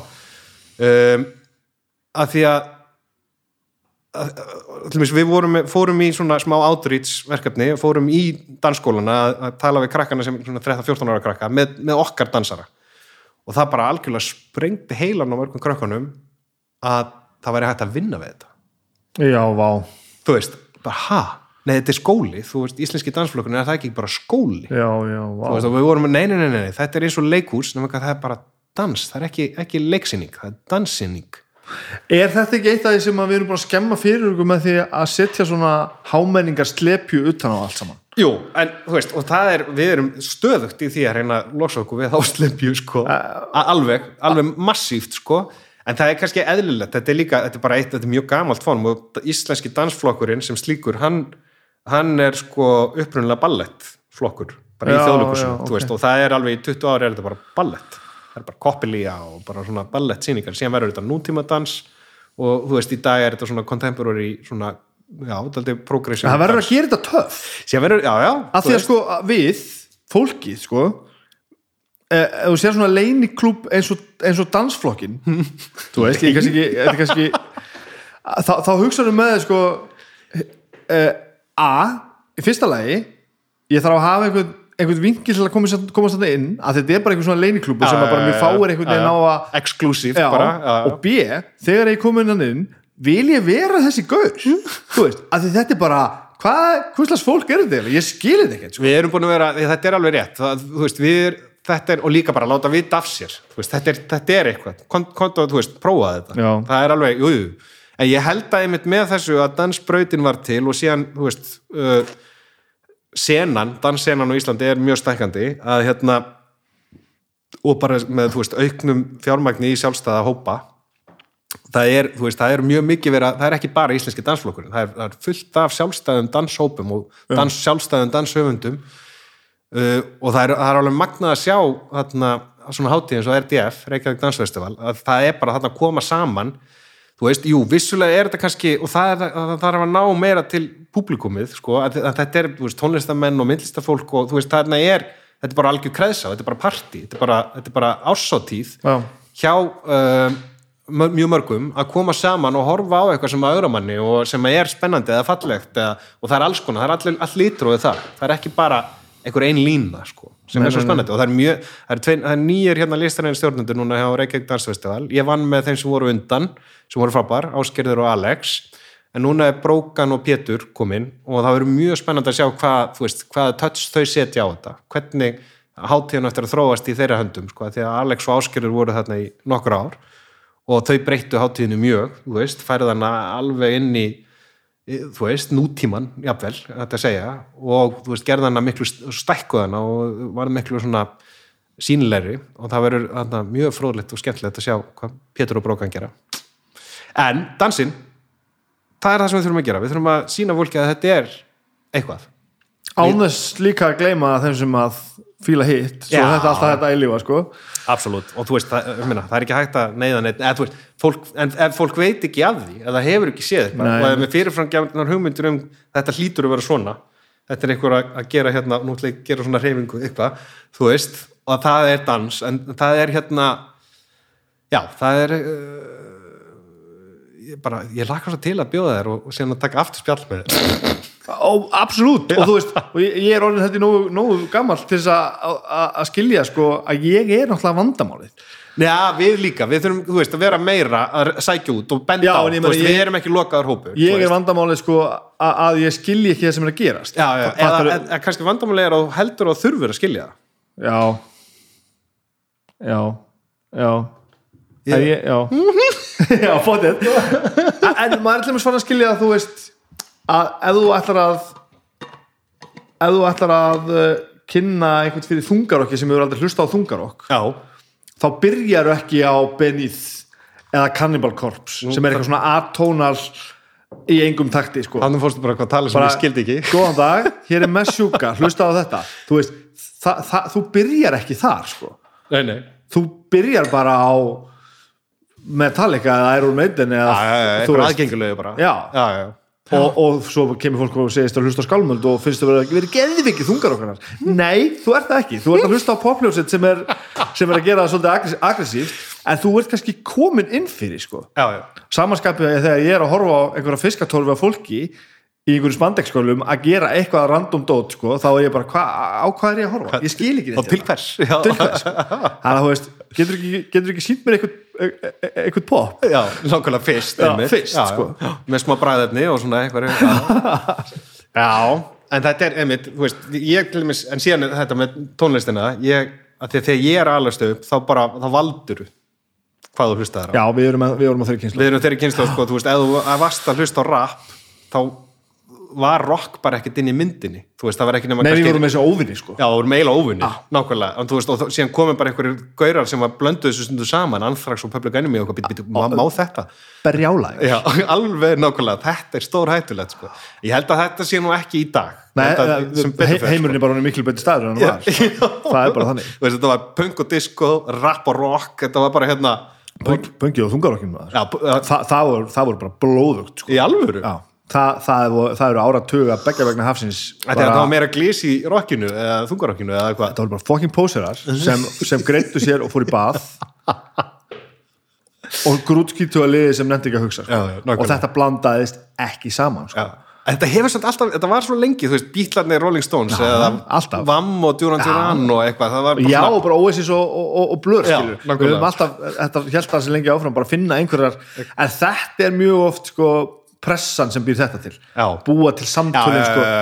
en við skiljum líka, við tengjum við það veist, veist, og þess vegna, svo með íþróttir þú veist, þú heldur með þessu Já, liði, heldur í liði, þú sko. veist, og þeir líður vel þegar þeim vin, þeir vinna og líður illa þegar þeir tapa eða íslenska landsliðið og, sem eru þetta bara í grunninn þetta, þetta, þetta keppnisform er bara við mannfólki að reyna að hætta að lemja hvort annað þú veist, hætta þessu Já. Og bara, fá, þú veist, ge- gerum þú veist, förum í keppni hver kastar þessum bolta lengst í staðin fyrir að reyna að drepa hvort annað. Já, það þarf að búa til það þarf að búa til, kappleiki og, og, og einhvers konar entertainment. Já, þetta er bara svo að tala um með, með, með Colosseum sko. Já. það er bara málið, það varð bara að sapna fólki saman og skemmta því Já. því annars fór allt til helvítis og það er ennþá þannig það er eftir þannig, Það er bara sama sko. já, og bara enski fótboltinn, ég meina það þetta er alltaf sama Já. það er engin munur og svo er annað sem er mjög áhugavert í þessu ég stuð Já. að þú veist ég, ég horfði ekki á amerískan fótbolta í mörg, mörg ár sko. Er amerískan fótbolta? Já. ok. Já, ég sé að þú ert með Raiders. ég með reyndis húna Já, já.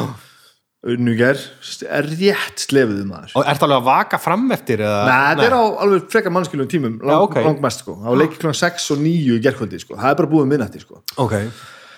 og hérna og, og ég átti eiginlega ekkert almennilega eitthvað lið ég var að horfa þetta hérna hvað sín hérna fyrir kringum aldamótin Mhm. og það var alltaf verið að sína sömu liðin og ég horfði alltaf bara á Green Bay, Packers veginn og svona en sko Slayer voru alltaf í Raiders fötum sko, Já. Þetta var þaðan sko. Já. og svo ákvæði ég bara svona aktíft þegar það fór að vera betra aðgengi genum, að leikjum bara gegnum alheiminn sko. Þú getur bara keftir aðgang bara Game Pass og horta á þetta leikina. Ég ætla, nú ætla ég bara, að mér finnst þetta ógeðslega skemmtileg sport ég ætla að taka upp þráðinu, ég ætla bara að fara að fylgjast með þessu. Já. það er svona 6-7 ár síðan. Og ég þurfti að velja með lið. Af því að ég hafði aldrei átt lið og ég bara horfði svona yfir þetta, ég ætla ekki að vera velja einhver toppliðar hundlega þarf alltaf að vinna. Já. fara einhvern svona milli við bara og einhver stakk upp og rey- hvað bara með reyti og svo ég bara já. En svo finnum bara að það líða svona þrýr mánuðir og þú ert all in. Þú Já. horfir bara á leikina Já, og að því að það, þú ert bara að ákveða að þetta sé þitt lið. Þú sko, þetta er ekki að því að pappi minn og pappi hans Nei, nei, nei, þú investar bara í því. ég bara Já, já. ákvaða það með heilanum í mér og örfum viku setna er ég dedicated alveg sko. Ég, ég er svona allir með, að, því ég horfði aldrei á fótbolta sem krakki, sko. Mhm. En þú veist, jú, kannski á landsleiki eða eitthvað, en, en var ekkert mikið að fylgjast með fótbolta. En síðan er að komin í mentaskóla og þar er ég í bekk þar sem eru 16 strákar og 8 stelpur uh, og allir að fylgjast með ennska boltan, allir strákarnir. Og ég þurfti einhvern veginn að, veist, að finnast eins og ég væri með já, já. og ég einhvern veginn einhver svona listaspýra og ákvað þá bara, heyrðu, ok þá var Eiður Smári að byrja, nei hann var ekki eins og byrjar þá var hérna Gianluca Vialli og einhverjir hjá Chelsea. Já. og allir heldur þú veist annarkvæmt með United, Arsenal eða Liverpool, það var bara svona þessi þrjú rauðu, ég ákvaða að velja bláa liðið. Já, já. og það var bara, það var fagfræðilegt. Það var bara að ég ætla að fara í bláan búning. Af því að allir hinn eru rauður og síðan var jú einhverjir ítalar hérna sem voru skemmtlegir síðan kom Eiður Smári. Ég var alveg haldið með Chelsea þá, síðan þá veist, og, og fólk skilur það ekki. Það- þetta er alveg, þú veist, ég skil það alveg. Svona, þetta er, það er ákveðið svona ákveðin andi yfir þessu liði sem er ekki ekki beinlinni svo skemmtilegur Fylgist ekki með nei, nákvæmlega. sko. ekki, ekki byrja. Nei, nei, nei, nei, þetta er nóg svona sko. en hins vegar, sko, þegar við vorum á Indlandi þá döttum við inn í, sko hérna, cricket. Já, það er stórkvæsli íþrótt. Já, Gunni Ben Skálmöld, hann, hann, hann er mikill krikketmaður það, er- þú veist, það er bara leikurinn í marga daga. Já, stundum. Það er til einhverja gerðir af þessu eða ekki? Já, einhverja típur af þessu, sko, við vorum bara á hótelherbyggjum í Indlandi að horfa á cricket, skildum ekkert. En síðan Já, eftir, já. þú veist, þryggja mánu dvöl, þá var maður fann aðeins að átta sig á þessu, sko. Það er Gunni nefnilega kann reglurnar og hann segir þetta sé bara algjörlega stórkslegt sko. já, ég held að, ég, þú veist, í allan í minningunni var þetta frábært, sko ég skildi ekkert í byrjun, sko. En upplifur þetta saman með Chelsea? Að, þú veist, að, að, að, þetta fór bara að skipta í máli? Þá, ég þetta skipti með yngum málum Nei, núna, nei, sko. nei, nei. en svo séðan til mér flytti ég úr vesturbænum í sko í hérna álfemmuna og þá er ég, þú veist, þá verði ég bara að skipta, þú veist, hætta með káver þú veist, þetta bara, sem var ekki erfitt. Og fara að halda með þrótti. Og í dag er ég bara, þú veist, barnana minna vegna er ég bara þróttari, þú veist. Já, ég held með þrótti, en það er svo auðvelt að halda með þrótti, þú veist, hann er alltaf einhvern veginn litli baróðurinn og svona, það er svona næslið þú ert aðeins á undan með þessu batnegnamálum sko. þú, já, er þetta ekki svolítið annað líka þegar þú ert farin að gera þetta gegnum börni jú, absolutt. Ég skil það mjög vel Já, já, já. þá er þetta líka bara orðið sko, félagsstarf og bara vilja bara gott umhverfi fyrir barnið og, og, og þetta líka gangi vel sko. En, en þessi blinda að fylgja sínu liði gegnum súst og sætt sko, þetta er verður svakalegt einmitt, þetta, og þessi blinda, þetta er svona líkilætri, þetta er sama er um pólitík. já, já, Þú veist, alveg bara, þú veist, alin upp í einhver og þú bara fylgir þessari línu alltaf sama hvaða drull þau gera. já, og já, og jáfnvel þó að sé ekki að gera sama drullið og fyrir tíu árum Já. Þa, þetta er eitthvað allt annað þetta heiti bara fólkin framsónaflokkur Já, með þá já, já, já, já. Sem er alveg magna og það er, ég held að þetta sé líka, ástæðan, maður, maður horfir á þarna bandarísku, fórsetakostningarnar og maður skildi ekki í fjögur ár bara þá einhvern veginn styrtist kappin, sama hvaða vitleysu hann gerði. Ha? og fólk einhvern veginn styrtist í þeirri trú að þetta væri rétt Já. og meðan hinn er bara styrtist í því nei, þetta er rátt þú veist, maðurinn er trúður, hann er hættulegur hann á ekki að vera þarna og meðan hinn voru bara, jú, hann á að vera Já. Og það er að því að það er svo erfitt að þú veist, viðkynna fyrir sjálfur sig, ég gerði kannski kannski gerði ég ekki rétt. Já, og, og hann er komið aftur að því að þér fyrir að líða vel í einhverju liði. Já, já, þú, þú ert þú ert bara búin að, þú ert bara komað þarna fyrir og Já. það er gott að vera partur af þessu kráti sko. nákvæmlega. Hvað hefða, hvað þú komin í þessu með þarna er komin aftur í, í borgarleikusið já, einmitt, komin í borgarleikusum útskýri fyrir mig fyrstur um komin í er dramatúrk, túrk, Heyri, þetta er góð spurning það er misjant eftir þarna, heimslutum hvað dramatúr hvað kallar þetta listrætt ráðunautur? ráðunautur, Yes. það er ein, ein svona þýðing á sem líka til leiklistarráðunautur, okay. uh, leikrítunar ráðunautur, það er svona, ráðunautur er auðvitað ótrúlegt orð, það er frábært orð sko. Uh, en sem sagt, og síðan var þetta einu sem bara listrætt ráðgjafi, en dramatúrk, hann er, er svona, í grunninn er hann eins og þriðja auga leiksturars. Veist, hann, er verkefni dramatúrins er bara, að, veist, að að spyrja leikstjóran krefjandi spurninga sem hann kannski gleymur að spyrja Mm. Já, já, þegar verkefni er komið á eitthvað, leið. Og síðan er það dramaturgin líka hjá leikurstjóranum að, að velja inn leikárið. Að púsla saman leikárunu lesa, þú veist, maður var bara í því að lesa leikrit, bara stöðugt sko og reyna að búa til eitthvað sem var nógu, þú veist, progressíft en um leið líka aðlæðandi, þú veist, þannig að þú ert með bara allan regnbón mm. þú ert með eitt, tvö barnaleikri, þú ert með nýtt íslensk, þú ert með eitthvað klassík, þú ert með eitthvað nýtt framúrstefnulegt að utan, þú veist, þannig að þetta sé einhvern veginn, þessi þannig suðupottur að hann sé, hann, hann heilli uh, pöblin, þú veist, fólkið sem að er kannski ekki endilega til í að prófa eitthvað nýtt uh, en kannski vel verið eina skrýtnasýningu með. Og þá opnast nýr heimur fyrir það, sko. Eh, þannig já, dramatúrgin er svona mm, eh, já, svona eiginlega og þú veist, þetta er ótrúlega vannmetið, ég held að þetta er mjög mikilvægt hlutverk eh, sagt, í leikúsi og ætti vera, það ætti vera, veist, það, eru, það er líki tónlist, Menna, það er þarna pródusendin, þú veist, þá sem er í Já, ég ætla, að fara að segja þetta, þetta er svona utanakomandi auga það utan að koma þetta auga sem að þú veist að því að maður týnir sig kannski í sínu og finnst þetta alveg geðveitt eða alveg hrikalegt, þú veist, hvort heldur og það kemur einhver annar og segir, heyrðu, býtu, þetta er eða, nei, er þetta eitthvað? Og þú er að spurja því, þeirra spurninga sko. það er mikilvægt sem dramatúrun gerir. Sem var líka fræðslustjóri sem var rosalega bara skemmtilegt og þarna, góðu skóli í því að þarna, og fræðslustjóri borgarleikur sem var að í raun og vera að halda utan um þetta fræðslustarf að opna leikursi fyrir hérna, fyrir skólabönnum og hérna, leikskólum uh, og ég var ógeslega góður í því ég var, tók alltaf ég, þú veist, hlustundu góði þeir munu kannski eftir mér, ég tók í leiðsögnum leikhúsið, það var svona mitt forte að hérna og þó- það, það gerðist, það, það stækkaði tölvert á meðan ég var að fræðslustími fræðslustjóri að hérna bjóða fólki að fara í svona leiðsögn um leikhúsið. Og þá fer maður í svona smá túr bakvið og fær svona einsinn inn í heiminn sko sem að var, þú veist, líka um leið trúðurinn í mér, þú veist, Já, að fá smá fá hérna smá, þú veist, og ég var búinn að þróa með mér eitthvað svona smá handrit svona brandara handrit. Skemmtilega kallinn, sko. Já, já, þannig að þar var ég önnu fimm ár, sko. Já, ok. Já, já, Já, ég var já, tíu já. ár í borgarleikusum fimm ár sem sýningarstjóri og alveg fimm ár sem hérna, fræðsistjóri skástrygg dramatúrk Já, já, og síðan opnast þetta, sé ég þessu auðlýsingu þú veist, það er ekkert, mér, ég var mjög sáttur í starfi kannski er það líka, þetta er enda það gengur ofta á svona fimm árum hjá mér að þarna, þú veist, að maður með einhvern veginn mettast bara, þú veist, orðin búin að vera nógu lengi og langar að fara að prófa eitthvað nýtt. Uh, en hérna á sama tíma líka er svo sem það eru svona uh, rót í leikuseiminum, þú veist, þá er en hún hættir reyndar, hún Kristín hætti eftir að ég, kannski er það mér að kenna að það er sjálfsagt bara Sjálfsagt, alfarið á þinni kunnu.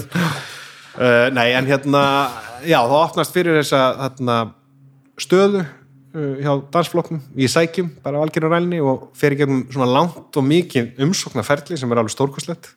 Þar sem maður er að taka svona próf á netinu, persónuleika próf. Eitthvað um, mjög skrítið. Þar sem maður verið bara, þú veist, maður settur í þú veist, fær spurningar um það hvernig maður bregst við situásunum wow. og alveg sagt upp bara ekki reyna að plata okkur þú veist, við sjáum í gegnum það þannig að maður bara er að svara eftir bara bestu getu, eftir bestu vitund um hvernig maður myndi bregðast við ákveðnum aðstæðum sko. bæði með starfsmanna hald og, og, og líka bara svona rekstur og, og fleira. Já, og síðan er ég búin að vera þessu starfi núna í næstu í tvö ár. Og þetta er búið að vera, sko, að því að ofta er svona starfi er svona skóli, þetta er búið að vera mestu skólin í mínu, mínu ferli. Að því ég er búin að fá einsinn inn í stjórnsýslu. Og ég vissi ekki að minn þætti stjórnsýslu svona áhugaverð. Það er bara, þetta er svona, bara orðið sjálft er mjög óaðlæðin Já, þetta er alveg, ég, ég bara ég fikk bara, já, ég fikk hróll sko. en hérna, og búin að fá mikla einsinn í það og líka bara mjög mikill skóli í svona rekstri og, og hérna, og starfsmannahaldi. Og síðan erum, þú veist, þetta eru þetta alveg crazy tíma sem maður er búin að vera upplifa, já, sko. í þessu. Og við erum þetta mjög heppin með það hjá dansflokknum að við gerum ekki ráð fyrir miklum tekjum. Þú veist, það er það er rosa gott þú veist, við erum ekki að fara í jafn mikið mínus og stóru menningastofnarnar sko. en þetta er samt einhver mínus, ég segi það ekki en, en það er bara, það er bara að vinna út af því sko. Þegar þú segir þetta, Já. hvar liggja mörkin? Hvenar, eigum, við að hætta að búa til drast sem enginn kemur að sjá? Afsakaðu drast, það er kannski ekki að valið alveg orð. wow, ég var að drakka kaffi En þú veist, hvar liggur þetta? Hvað getur við lengi haldið áfram að gera eitthvað sem að einhverjum finnst gufugt og er það sjálfsagt stendur enga veginn undir sér og enginn kemur að sjá. Alltaf, á hvaða forsendur? endalust af því að þannig verður til eitthvað nýtt. Já, þú veist, það er ekki nema við leifum okkur að prófa eitthvað Já. skrítið undarlegt að það opnast nýr heimur.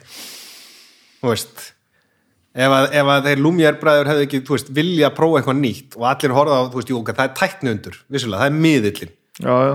En, en ef einhver hefði ekki, þú veist, á einhverjum tífumpunktu sagt, þú veist, nú er ég að lesa þetta hérna, nú ætlum ég að lesa þetta upp á, þú veist, eða, ok, það er neitt ennþá lengra aftur. En ég- veist, ég fatta fattar hvað þú þú að að sko. prófa, ef- annars hefði bara dans alltaf verið ballett eða, eða ópera alltaf verið ópera eða, eða tónlist alltaf verið óbreytt, þú veist, þegar fyrsti eh, einhver gerði eitthvað þar sem einhver hlustaði með sem bara býtu vá, er það að setja ramagn inn í þetta strengjaljófari hvað, má þetta? já, já, auðvitað sko, auðvitað þetta er ekki bara teknilega breytingar heldur þetta líka bara svona að pröfa þú veist, eh, ramman hvað má, hvað má ekki sko. þannig að jú, þess vegna er ógeðslega mikilvægt að það sé alltaf vettfangur og fjármagn fyrir listamenn hvort sem það er sko, sviðslistir eða myndlist eða, eða skáld eða þú veist, hvað sem er. Allar listgreinar að prófa að gera eitthvað sem engi skilur og engi fílar og allir eru bara fussandi og sveigandi yfir. Það er svo rosalega mikilvægt. Og eigum við öll að hafa einhvers konar aðgang á fjármagnin til þess að geta prófa það að gera það? Nei, nei, það þarf að vera hérna Nei, nei, alls ekki Það væri hérna styrlað Það er, það er mín útópía, sko að allir hérna, geti gert það sem þið vilja og gefa það sinns að, að, sko, að borgaralaun verða að veruleika að róbótatun takki yfir að hérna, allt verði sjálfvirt og engin og allt mannkynnið hætti að þurfa að vinna sé bara á grunnlaunum og geti bara farið að gera það sem það dettur í hug hvað heldur að myndi gerast? Svona ég alvöru talað Ég held að það er væri stórkoslegt. Ég held að fyrstu, fyrsta hálfa árið myndi vera svona mikil svona uppsveifla í þarna, í, í meðferðarheimilum og, og þannig. en síðan bara átt að þessi fólk sé á því, bara heyrðu, auðvitað, þú veist, hugmyndið með borgarlaun, sko, það er ekki, það er ekki allir einhvern veginn á grunn, jú, það er allir á grunnlaunum, en þú hefur síðan tækifæri til þess að vinna við eitthvað og, og hækka þínar tekjur. En þú átt að geta að lifa skil ég, grunnlaunum, og ég held að þú veist, í praxis er þetta þú veist, meikar þetta fullkomið sens að þetta einfaldar allt bótakerfið bótakerfið er rosalega mikið og flókið. Þú veist, örorkubætur og lífeyrir og allt þetta ef það er allt sett bara í eitt borgaralaun þá einfald, ein, einföldunin gerir þetta veist, þannig að við værum öll bara áskrifundur af lámasframfæslu já, og allt sem við gerum innan gæsalaba gáfulegt eða hendugt í þá áttina skilar okkur meiri tekjum. Já. En þú gætir ákveða að vera ekkert að eldast við þessar tekjur og bara Og vera heima bara- þér lesa og bækur. vera bara fucking dansar einhverstaðar Já, eða hvað sem er, þú veist. Það er allir, það er mín útopía ég held að þetta sé einhver tíman á einhverju tímpúti þú sér bara sjálfvirknina og sjálf, þú veist, róbatavæðinguna, þú veist. Uh, og og ég er alveg konfliktara sjálfur, þú veist, þarna maður er alveg bara svona, hvernig af ég að fara að afgreða mig sjálf? Okkur, ef ég ekki ótir að kaupa matinn núna því ég er að gera þetta sjálfur, þú veist, fattar upp, maður hugsar þetta, Æ, ég ger það endur alls ekki, sko. Er það ekki? Ekki með þetta, nei. Nei. Mér finnst þetta frábært. Ég, ég, ég, ég dyrka þetta, sko. Mér það er finnst bara, þetta frábært sko. og ég, ég veit ekki hvort þetta er bara því ég hef unni í búið eða eitthvað en ég held að þetta sé þetta er bara betra fyrir kunnan sko. absolutt, sko, Ég- og líka fyrir fólki sem vinnur þetta. Ég held að þetta sé bara betra fyrir all hættið þið bara að grenja. Hvað? Nákvæmlega, og ég sér sjálfkennandi bílar bráðum og þú veist, þetta er allt einhvern veginn, þetta verður smám saman verður allt þetta sjálfvirkara. Það er alveg óhjálpkvæmilegt. Og eitthvað þurfum við að gera. Já. Þetta er bara, Já, ég- ég- það ég- stefnir þangað, óhjálpkvæmilega. Við getum ekki stoppa þessa þróun. Nei, en ég held að hún sé ekki að það finnur slæma Nei, alls ég held að að það sé frábært. frábært fyrir þetta að tæknin er alltaf miklu betri að gera heldur en við Já, en í millitíðinni, þangað til við erum komið þangað að það er allir hafi tíma til að gera hvaða prump sem þeim dettur í hug að, hérna, að þá auðvitað verður að vera það er eitthvað kaps á því, það er eitthvað hámark á því hvað er hægt að styrkja mikið. Já. og þú veist, og það er alveg hægt að debatera endalust um það, hvað, af hverju fer svona mikið í, í ritlaun eða svona mikið í leiklist og svona mikið í myndlist en það er bara eitthvað sem er bara samtal hjá pólitíkusum og embætsmönnum þeir taka þessar ákvarðanir. Það er ekki við sem tökum þær ákvarðanir. En það er ógæðslega mikilvægt þetta fyrir bara listamannalaun. Og listamannalaun eru raun og veru eina leiðin fyrir fólk í dag til þess að prófa sig áfram og þennja listformið. Af því að það er engin ríkur einstaklingur mjög, veist, það er mjög fáir sérstaklega á Íslandi sem er eitthvað að sponsorera menningu og list sem er alveg á jæðrinum eða sem er progressív. Það er mjög lítið af fólki því miður það var aðeins þarna í, í þarna, aðdraðandar hunsins Já, var svona það var eitthvað svona það var eitthvað töff. Það var eitthvað töff, það var eitthvað hérna, baronessa og eitthvað stuð í gangi sko. það var alveg, það var eitthvað gott kampæðin í gangi þá sko. en hérna en í millitíðinu, þú veist, þangað til við komast að það tímapunkt að það eru allir bara á grunnframfærslu og allir hafa tíma og tækifæri til þess að gera eitthvað. Veist, ég held að þetta verði bara svona eins og einhvers konar bylting hjá mannkyninu, bara eins og, eins og þegar mannkynið byrjaði að, þarna, að ég var að lesa ykkur bókandum daginn, þarna, hvað heit hún, sem allir voru að lesa? Það skiptir ekki máli þegar mannkina hætti bara að hugsa um að yrkja garðin sinn og satna það saman í borgir. Ok. Þú veist, og það var til eitthvað svona stjættaskipting og einhverjir höfðu tíma til þess að bara hugsa og höfðu til heimsbyggingar eða prestar og þannig. Það var, það var ekki allir í sjálfstörtar það var ekki allir í því að bara nú þarf ég að ná í rófuna mína og að drepa þetta dýr og eitthvað, þú veist, þú varst bara kjurr og bara og bara verkaskipting og og það var bara bylting. Þú veist, bara svona upplýsingabylting hjá mannkyninu, bara ding, og síðan var til yðbylting og síðan er núna aftur upplýsingabylting. Og, þú veist, og það verður alltaf stittra og stittra á milli þessari byltinga. Uh, þetta er eins lík bylting, þegar mannkyninu hættir að strita í eitthvað og þú veist, það verður litið tilbaka hundra árum bara, það var fólk að keira leigu. Já, já, Eða, þú veist, það var einhver að afgreða já, þegar, þegar setja tíma sinn í það. Já, já, já. Af hverju? Já, þetta er frábær vinkill maður. Það er bara, það er, og það er alveg það er sama með líka þú veist, á einhver verður, í mannkyninu verður bara og ég er ekki vegan, en þú veist, ég skil þessa hugmyndafræði, verður bara litið tilbaka og bara, var fólk að borða dýr? Já, það verður bara, og það er, og það er eðlilegt þá, í dag er þetta eðlilegt að, að þú veist, ennþá meira hluti fólk er ennþá í því að borða dýr. En eftir einhver tíma þá verður þetta bara svona eða reykja sígarettur eða, þú veist, eða var fólk að gera sér þetta? Já, það verður svo áhugavert bara því að við honum tilbaka veist, 150 ár og bara var fólk í alvörunni að gera þetta. Já. Og þetta breytir svo ævintýrlar hratt sko. já, já, þetta meiri sem bara reykti fólk inni á skemmtistu Já, við erum bara strax, reykti fólk í flugulum það er þre- það er 20 ár síðan veist, þetta er alveg ég bara man eftir mómentur þegar reyking voru bannar inn og allir voru bara svona djús ógeða svona pissufíla allstað já, það bara, og þetta er líka bara þetta var aldrei eftir að ganga. Þetta var aldrei áttur að ganga. Og það liði alveg eins og tvær helgar og það var allir átti geðvitt ánægð með þetta. Nema einmitt líkamsliktir og hlandfílan út um allt sko. já, þannig að já, ég held að það sé ógæðslega mikilvægt alveg hrikalega mikilvægt að við höfum þetta tækifæri og veist, leið og, og, og fjármagn til þess að að leifa fólki að þú veist, fokk í okkur með því að, þennja ramman, þú veist, prófa hluti. En ég heyr alveg á þér út alveg vanur að taka þessa ræðu. Nei, langt síðan sko. En, en samt, þú veist, þú, þú þarft að eiga þessa samræður. Já, já, að verja einhvern veginn tilvistina og eitthvað svo leiðis Nei, ég þurfti að meira sko. Já.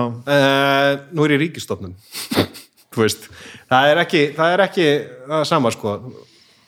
Í dag, eh, þú veist, eins og þú veist það að vera í sjálfstæða leik, sjálfstæða leikhóp og ég skil það alveg, þú veist, í sjálfstæða leikhóp eins og 16 elskendur, sem við fáum styrki við fáum alveg fullt af pening. Uh, ekki oft mættum alveg fá meira. Fullt, fullt að byrja Já, þú veist, í stóra samminginu, þú veist, skil. ætlum eins og kona mér sem er forlegafræðingur, hún bara horfir á styrkina sem er í, í, þarna, í sviðslistum. Já, já, já, veist, ef það væri svipaður upphæður í gangi forlegafræði, það er bara ekki það þú veist, og það er, og síðan er þetta veist, og þá er maður bara komin alltaf á svo hála nýs, eins og hérna þegar það er, það er alltaf verið að skera niður í, í helbriðskerfinu og allir bara, af hverju bara hættu ekki listamannalaunum og hérna, þú veist, þurfum að hugsa um gamla liðið eða bjarga mannslífum. Að það er, það er, það er stóra samingið sem er, þú veist, sem gleymist í þessu. Að það, það, verða, verður að vera einhvern veginn einhvað, einhvað fjölbreytni. Þú getur bara hægt öllu og sett allt í helbriðiskerfið til þess að bjarga mannslífum og þá verður til rosa mikið af vandamálum að því að fólk hefur ekki lengur vinnu já, alveg rosalega, rosalega mikið af já, vandamálum já, og þú veist, og aftur með kólusíum það verður að skemmta fólki, Já. sko. það er þannig og eins og bara í núni í COVID hvað, þú veist, hefur sést, hvað er mikilvægt þú veist, að það sé eitthvað afþreying eitthvað gott Já. fyrir okkur til þess að aðeins að geta glemt staðastund sko. og notabenni, eins og ég finnst gaman að vinna í framúrstætnilegri list, þá finnst mér afþreying stórkostleg já, hvað er líka munurinn? uh, hvað er skurrpunkturinn milli já, þetta er góð spurning og jú, eh, sko góð afþreying. Uh, er þegar þú þarna, þegar þú gleym, hættir að hugsa eða þú veist, hættir að hugsa og hættir að pæli þú sért að hugsa. Eða bara svona slekkur og kvílið þig en þú tekur þetta inn og færið þig samt svona til þess aðeins að hugsa. Fattar Þa, það er besta afþreyningin það er eins og þess að ég var að horfa á þáttin sem allir verið búin að horfa á þarna Queen's Gambit já, á eftir, Netflix. að, horfa á það. Það er bara frábær kvikmyndagerð, mjög vel gerð, góð saga ekki dof, reynir ekki dof mikið á mann en samt svona opnar eitthvað smá á eitthvað sem er svona ah, eitthvað hérna. En já, það er, það er bara svona rosalega góð afþreying finnst mér, en það er rosalega erfitt að segja þú veist, hvenar eitthvað verður hvenar eitthvað verður ekki nóg mikið afþreying eða of mikið afþreying eða ég held að sé ég held að, jú, ég held að sé hættulegast þegar einhver telur sér vita það. Já, átti, samræða sem kom inn á þetta við Agnesi bara núna, auðvitað bara í vikunni um, og hún hlust á Bríeti hlust á plötuna já, við hefum kefti í vínilplötuna hérna bara um daginn sko. er geðveikt stöf sko. frábær plata. Hún er ævintýralega góð. Já, og hérna ég er náttúrulega mjög sett á vagnin sko, en, en ekki á Bríeta vagnin heldur á hérna, að fatta þetta allt saman. Já. að því að svo var einhver á einhverju, einhverju Facebooki í einhver staðar að kvarta. Og hún hefði verið að syngja einhver staðar í sjónvarpinu. Ljómandi góður lög hjá henni en ég skil nú bara ekkert hvað hún segir. Já, og svo kemur svona löng svona miðaldra umræða fyrir neðan um það. Já.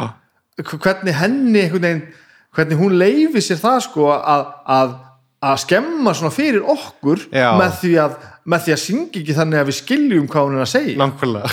Og maður bara og, hann fekk ég bara svona og, og, og, en ég var pín tíma að krifja þetta sem að margir hafa gert á undan mér og ég er svona að segja, ég, er- svolítið setna þessu sko þetta er bara vegna þess að hún er hún er sko hún er, hún er performer. Já, já, en svo var ég að tala við Magna hérna í, í þessum þætti fyrir nokkrum mánuðum síðan sko. Já, og þá skildi ég það sem hann var að segja þar. Já, hann sagði bara ég er entertainer. Já, já, já. ég lappin í aðstæður Já. til þess að láta fólkinu líða vel já, já, já. Ekki Bríet til er ekki, er að því sko. Nei, nei, nei, hún er bara Hún er bara að fokking snillingur sem vil hafa þetta svona og ef þú hrýfst með Já, já. þá er það gott fyrir þig en hún er ekki að fara að breyta hvað hún er að gera. Magni telur bara í næsta lag og hækkar um hálftón ef að og, og bæði er frábært sko. það er vel að mikilvægt að átta sig á því að þú veist, eitt útlökar ekki annað veist, að, að, að- að leifa veist, einhverja hámenningu og einhverju skrýtnið að gangi að þú veist að þróast það útilökar það ekki að, að, veist, að hitt er líka búið til fyrir peningana og peningarnir, þú veist peningaflæðið til dæmis núna í Netflix og öllu því sko, það er gríðarlegt. Og það er ótrúlega mikilvægt fyrir sálarheil okkar að hafa aðgengi að því. Já. og það er bara eins og til dæmis sérst, sérst fyrra, fyrsta COVID-inu að þá bara ætlaði interneti að slokna á internetinu hérna í Evrópu að því allir voru heima hjá sér að horfa Netflix og það þurfti bara að lakka það þurfti að minka Bara bara, gæðin, allt- myndgæðin bara, það var bara of mikið streymið í gangi já, sko. YouTube bara lakkaði fremritið og allt fór allt í steik sko. En þetta með, með, með bríð ég var að hlusta, þú veist, að því að maður heyrði lægið og síðan fór maður að hlusta á fleiri lög hérna, og síðan hlustaði ég á plötunni í heildum daginn sko. eh, og hún er búin að vera smá svona sem er repeat, dóttir mín ekki að meika þetta sko. þetta er, hún, þetta er þetta er of mainstream fyrir hana núna sko, 14 ára. Já, já, já, já. þetta er bara, þú veist, Ó, það er svo mikilvægt. Það er svo gott sko. það er svo gott. Og ég var eitthvað, hún var eitthvað svona hvað kúri gerir þetta, þú veist, hvað er hún að syngja um kúrika, þú veist, fannst það alveg fara út ég fara eitthvað að útskýra fyrir henni það sem ég hafði heyrt frá vinni mínum að, þú veist, hún jú, að, hún er að syngja hérna um fyrirhundi kærasta sinn og hann var kannski eitthvað með kúrikatti eða hægðaði sér eins og eitthvað kúriki, eitthvað töffari sko, hún er eitthvað að gera það upp og uh, eitthvað en það sem að gera það verkum, ég held að þessi svo ógesla mikilvægt fyrir svona að því að þarna við að tala um listaverk þessi, þessi hljómplata, það er ekki bara það að hún er velgerð og hún er að, þú veist, að prófa sig áfram með alls konar, þú veist, einhvern veginn uh, tónlistarstíla nánast, þú veist, og fáið með sér fólk til að vinna heldur er hún að segja eitthvað frá hjartan já, og það er svo, og það köttar svo augljóslega í gegn það sko. er fjandasmálið sko. það er svo ótrúlega skýrt og, það, og þá þegar maður hugsa, og það, það er svo margir tónlistamenn líka í þessu og líka sviðslistamenn og, og aðrir. Ef þeir, ef þeir eru að bara segja hérna, þú veist, frá hjartan ekki að reyna að plýsa heldur bara til að segja, þú veist, verð þetta er bara eitthvað þörf að miðla þessu frá sér, sko. Og það bara skila sér. Það gerir það samt bara alls ekkert alltaf. Ekkert alltaf, ok, og- eru að segja eitthvað frá hjartan og maður er bara já, en ég með þetta er samt galdurinn og það er þess vegna sem þetta, sem þetta gerist. Já. það er þegar að einhver segir eitthvað svona ofbúslega beint frá hjartanu og þú skilur það. Já, ekki að því að það er búið að að tvíka það til til þess að þú skilir það. Já, já, já, já, já. skilir það, heldur kemur þetta bara til og þú bara, ég fatta hvað þú ert að gera. Já, já, og þú ert ekki að gera það fyrir mig já. en það gefur mér svo mikið að skilja hvað þú ert að gera vegna þess að henda mér sko. En síðan er líka líkilatri þessu og það er þetta hérna að ég held að líkilatri í öllu þessu er að, þú veist, það er sem með þessar veist, hjá okkur ef maður getur sett sér í sporannara þú veist, ef maður getur upplifað hvernig þeim líður. Já, já, já, já. og maður veit að það er tilfinning sem maður hefur sjálfur upplifað eða gæti eitthvað um upplifað. Og það er þessi, þessi mennska sko, að þú bara svona, og, og sérstaklega í leikúsi þú veist, og í bíó og bækur og eitthvað, að þegar þú nærð því þegar þú sem neytandi, áhörandi eða hvað, hlustandi eða hvað sem er svona, og þá, verður þá verður þetta svo sammannlegt. Og þá, þá sama hvort það er sorglegt eða gleðilegt eða hvað það er þá ertu bara á svo hárréttum stað bæði sem listamæður að miðla og þú sem neytandi eða, eða menningarneytandi að, að, að upplifa sko. af hverju, þú veist en ég veit ekki hvað það er, þetta er eitthvað formúla Nei. sem maður skilur ekki þú veist eins og til dæmis ég fór á symfóniutónleika um daginn uh, fyrir ykkur ári og hugsaði með mér, það var magnað, ég labbaði út og hugsaði með mér, já, heyrðu, ég ætti nú kannski að setja meira klassisk tónlist á og við hugsaði, nei, vá, vá hvað ég er miðaldra en hérna, erum leið bara, fór ég að hlusta aðeins meira á klassiska tónlist, sko og það var bara eitt lag sem heit, heitir Nimrod. Og það er bara eitthvað svo ótrúlega massíft lag, sko að það bara, það bara reyfiði við mér meira heldur en nokkur leiksinni hvað þið gert í meira en ár. Já. eitt þryggja mínútna lag. Já, já, já. live flutningur, Sinfoniljóðst Íslands með Ara Eldjón en þessi moment sko, nákvæmlega með Ara Eldjátt já. það er bara þegar eitthvað svona nærmann og maður bara Já. og þú skilur ekki hvers vegna. Men maður veit ekkert og ég fór bara að gráta. Já. og ég var bara, þetta reyfði bara svo bara þetta litla lag. Og ég þykir sem með mér, vá. Og þetta er lag sem var sami fyrir 200 árum eða eitthvað.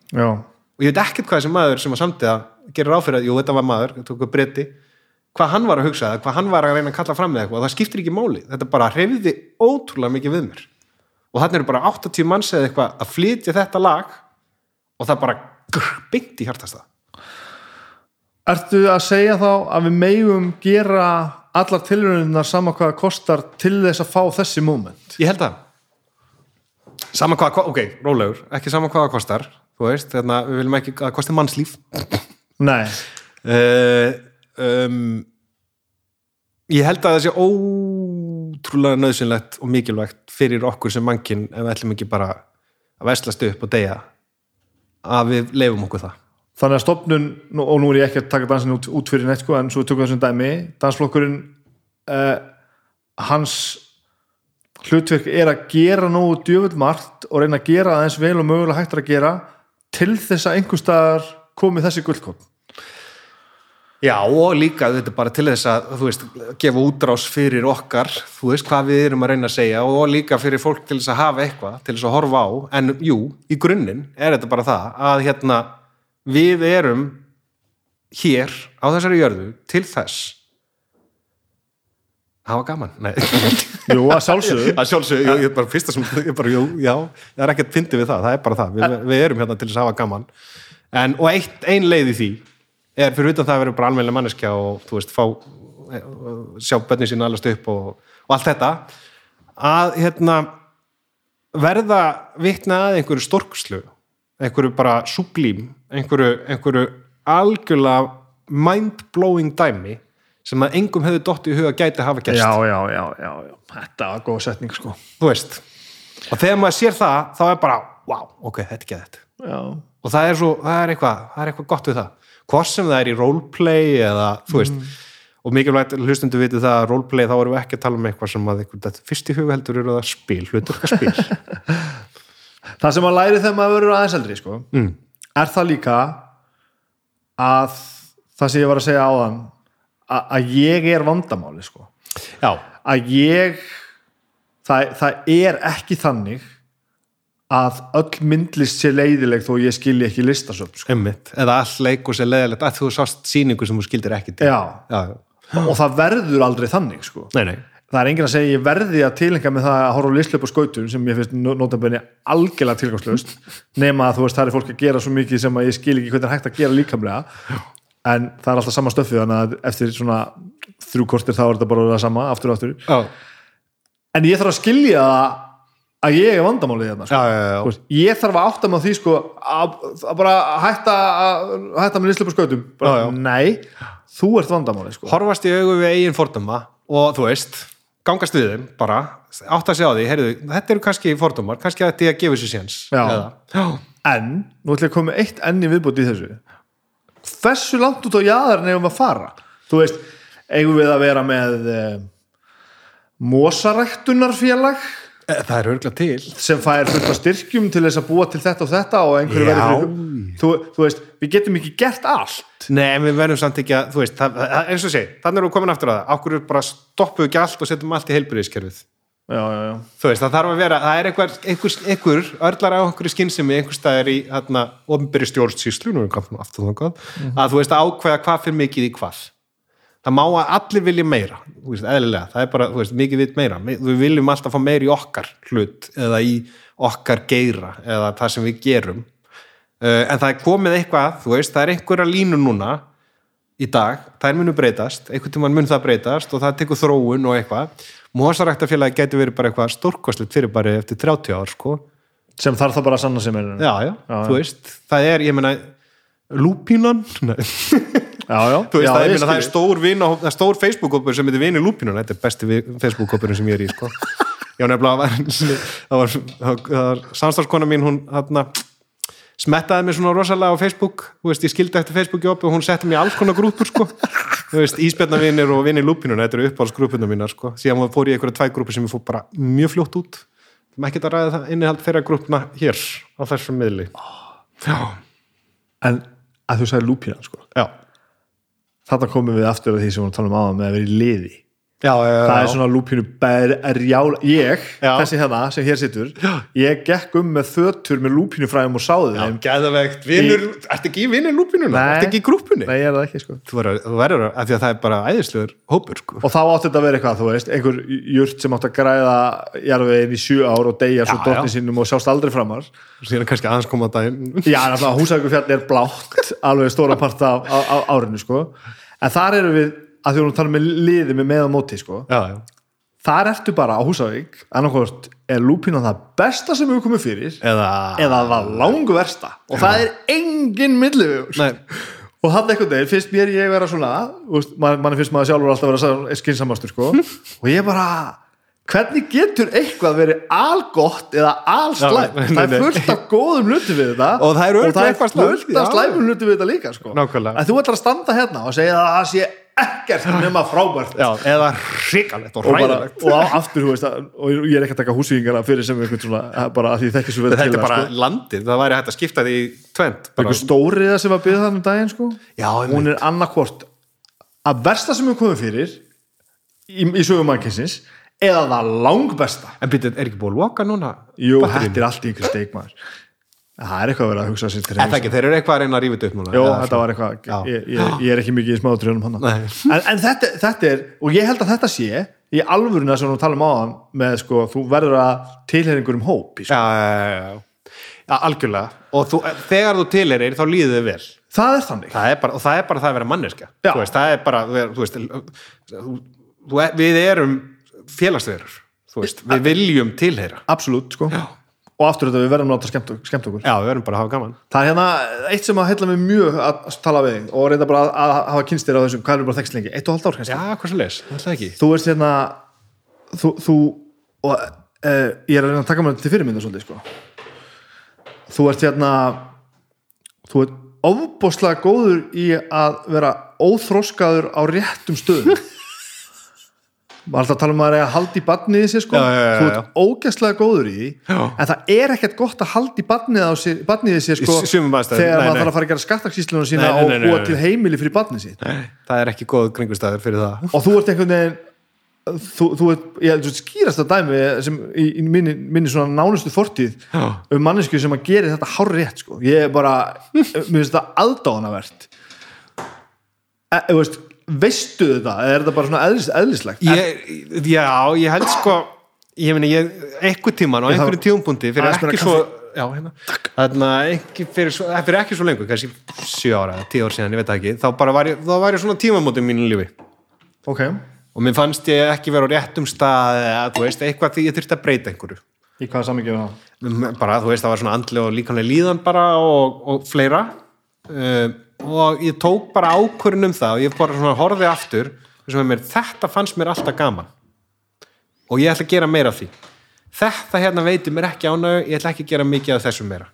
Og svona, ég fóð bara í gegnum svona, svona, svona hluti.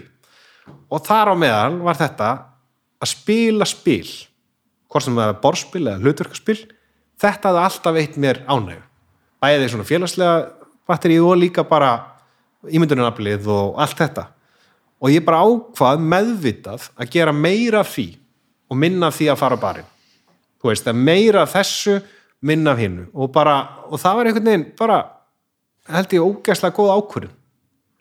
Varstu alltaf með hitt í lægi? Varstu alltaf, þú veist, var, var, var hérna áttur alltaf fyrir mánaðamótunum og, og, og veist, gekk alltaf upp að fjölskyldu og Já, já, það hefur alltaf verið, þú veist, ég hef ekki verið í vandamálum með, með það, ég hef alveg daðra af alls konar hluti sem að, já, þú veist, ég vil ekki að bönnum mín sé að gera, sko.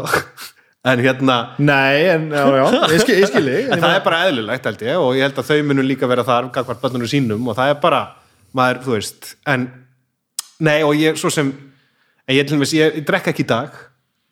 Ertu ytrú? Já, ég hef búin að vera eitthvað núna meir og minna bara þetta ár sko, eða svona frá því þarna fyrsta mæ Hæ, hættur með þetta að drekka? Já, ég- Eftir að við kynntumst? Já. Ok, þetta er magna þú ég, ég er Ég ekkert ég er að auðlýsa þetta sko, en það er bara ákvörðin sem ég tek hérna, að því mér fannst þið vera bara að vera aðeins og svo sagður hérna í, í COVID-inu sko, þú veist ég er alveg svona andansmaður, svona, þú veist mér er gaman að hafa það gott ég finnst, konum með þólir þetta ekki, hvað mér er gaman að gera gott við okkur hvað, þú veist, að kaupa góða mat eða, að, þú veist, að gera eitthvað að, þú veist, stækka eitthvað upplifun sko. Og þarna ákvæði bara og líka því að þú veist maður er með úling uh, þú veist nú ætlum ég bara hérna kvarta þetta eins út úr lífinu sko. Bara að taka, þú veist, tökum ár eða tökum einhvern smá tíma þar sem maður er og ég tók lámark ár, ég með mér tökum ár. Uh, og það er bara fínt. Ég er einhvern veginn, ég, ég saknaði þess ótrúlega lítið ég er ekkert í því að predika það, nú er ég samt byrjar að predika í hérna, að ljósa komilum að, að einhvern veginn bara og þannig verður allt í einu til fullt af pening mm. að því að ég, þú veist, ég var þannig að mér var gott að kaupa með gott rauðvín, þú veist, og alveg ekkert eitthvað 2000 krónum flösku, svona eitthvað almennilega flösku og eitthvað góða bjóra og eitthvað svona og allt í einu verður til fullt af pening þannig ég get fara gera meira af áhugamálinu mínu sem er að spila Dungeons and Dragons í dag. Í dag er það Dungeons and Dragons, fyrir ári var það eitthvað annað, núna er þetta mína ær og kýr. Og ég bara dyrka þetta, þetta hobby, sko, þetta er eiginlega Þetta er fáránlega gaman. Þetta er fáránlega gaman. Og ég kóvitinu að læra mála litla kalla, eitthvað sem ég held ég myndi aldrei gera. Af því að ég bara hef ekki fínreifingarnar í þetta.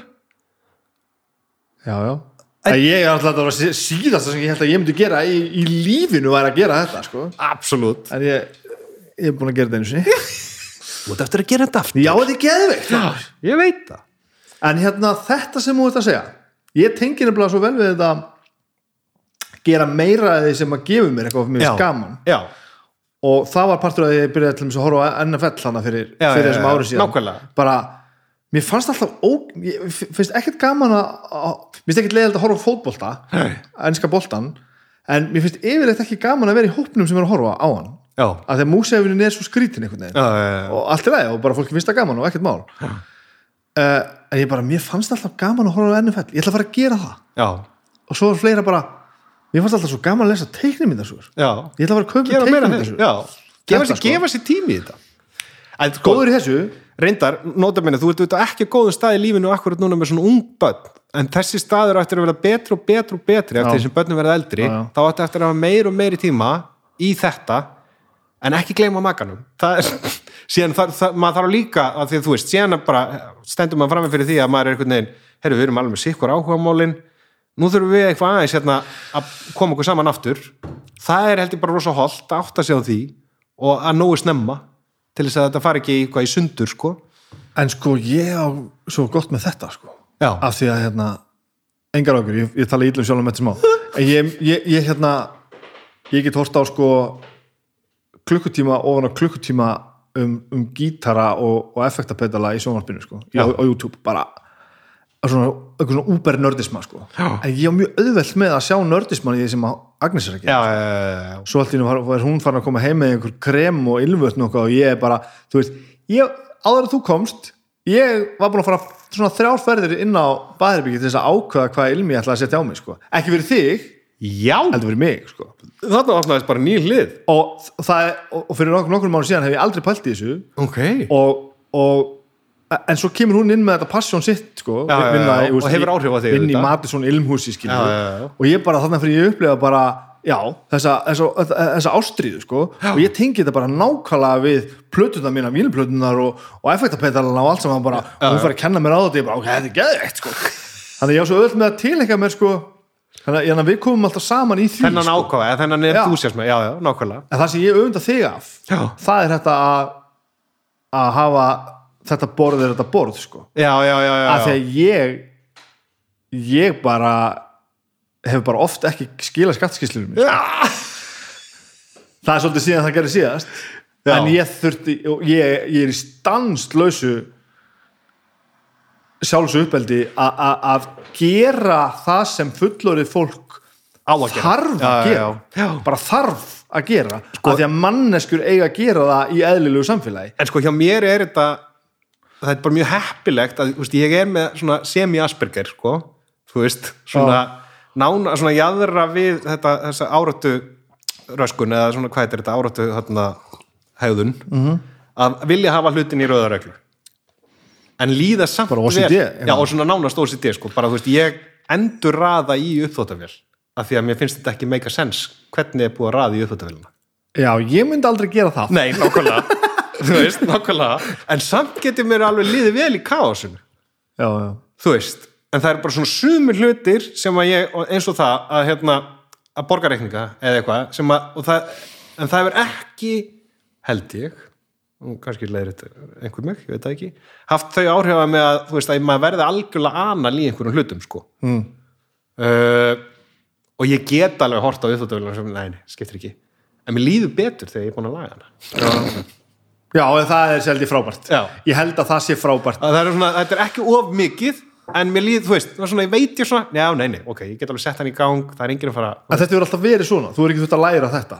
Nei, þetta er bara einhver þú veist, uh, hann er svo góð að sög, hérna Hannes vinnur okkar sem spila með okkur. Og hefur komið hingað. Og hefur komið í gæmið uh, einhvern tíma var hann að, að uh, leika í stuttmynd í listaháskólanum og hann átti að leika mann sem var á svona rófi þú veist uh, með einhvers konar svona áráttu hegðun eða svona og eiginlega og svona átti félagslega erfitt. Og hann fór að hitta sálfræðing þú veist og spurja hann svona já hvernig hérna þú veist, fá svona insinn inn í þetta? Og þau röppu lengi vel og síðan á endanum sagði þarna sagði sálfræðingurinn, já farðu bara í Nexus og þú sér þetta það lið þar. Já, já.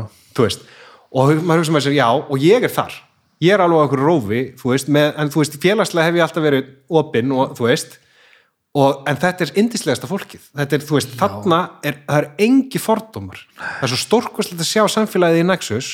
Það er engir fordómar, það eru allir velkomnir. Já, af því að við erum öll á þessu rófi einhver, einhver já, já. og, og það er allir bara svona hm, síðan getur við, þú veist alls konar. Nexus náttúrulega upphefur það fallegast í heiminum og það er það að þú hefur áhuga á einhverju vegna þess að þú hefur áhuga á því. Já. Ekki vegna neins sem að kemur utan að enginn að segja þér og eigir að hafa það veist, og þetta getur verið alls konar fólk á öllum aldri. Já, það var var, á, þarna, var, í Nexus í rauðinni í gær. Þú vil er ég nú að nóga sem raðamenningu en reyndar, veist, það er veist, kunnum núna að standa í röð, það er ótrúlegt. Ha, við gleymum því alveg leið. Við ættum leiðan fyrsta faðumlegið, fyrsta helsið, það bara, standi í röð, hvað er það? Ég var hér. Þarna, en að, að þar kemur bara, þú veist, maður og aldur við okkur, þú veist, með Dungeons and Dragons bók. já, Og maður horfir á hann og hann var ekkert utan á hann sem sagði, Nei, nei, nei, hann var í jakkafötum, þú veist, þetta er bara maður sem vinnur í banka eða eitthvað, eða ég, nú er ég bara búið til mína fantasíur um þennan mann. Uh, við skulum ekkert fara með það lengra. En hérna, og það var svo flott fannst mér, og svo gott, og það er enn eitt dæmi um það hvað þetta áhuga mál okkar hérna mm. hlutverkaspil, hvað það er í miklum uppvexti, þú veist, það lendi í dífu, í, þarna þegar tölvuleikir verður svona stórkuslegir og frábærir og allir fóru bara í sínu hólu og bara að tala bara, þú veist, í mikrofóna. En síðan er það núna, það er í svo rosalegri uppsveiflu núna, að það er stórkostlegt. Það er eiginlega, og ég bóka satnum mitt af hlutverkaspilabókum þú veist, þetta ég bara svo hlakka svo til að börnum mín þegar reyndar vonlingurinn dóttur mín og aldrei eftir að þú veist, opna einu svona bók núna, kannski setna mér, ég veit það ekki já. en svonum minn, þú veist, við erum byrjaðir að prófa að spila að þetta er bara svo mikið gjöf inn í kynsluðarnar, inn í bara lengra veist, finnst mér Þa, það, það frábæra sem gerðist og ég held bæðið mitt með tölvuleiki og svo þetta og miklu, miklu, miklu fleira Já. er það að einhver staðar varð til samþykki fyrir því að fullori fólk væri að gera þessa hluti. Það má leika sér. Af því að, að því að þetta var eitthvað Já. sem þú áttir að vaksa upp. Já, já, þú spilaði tölvuleikin að þú varst svona kannski 22, kannski 25 ára og þá áttur að hætta því sko.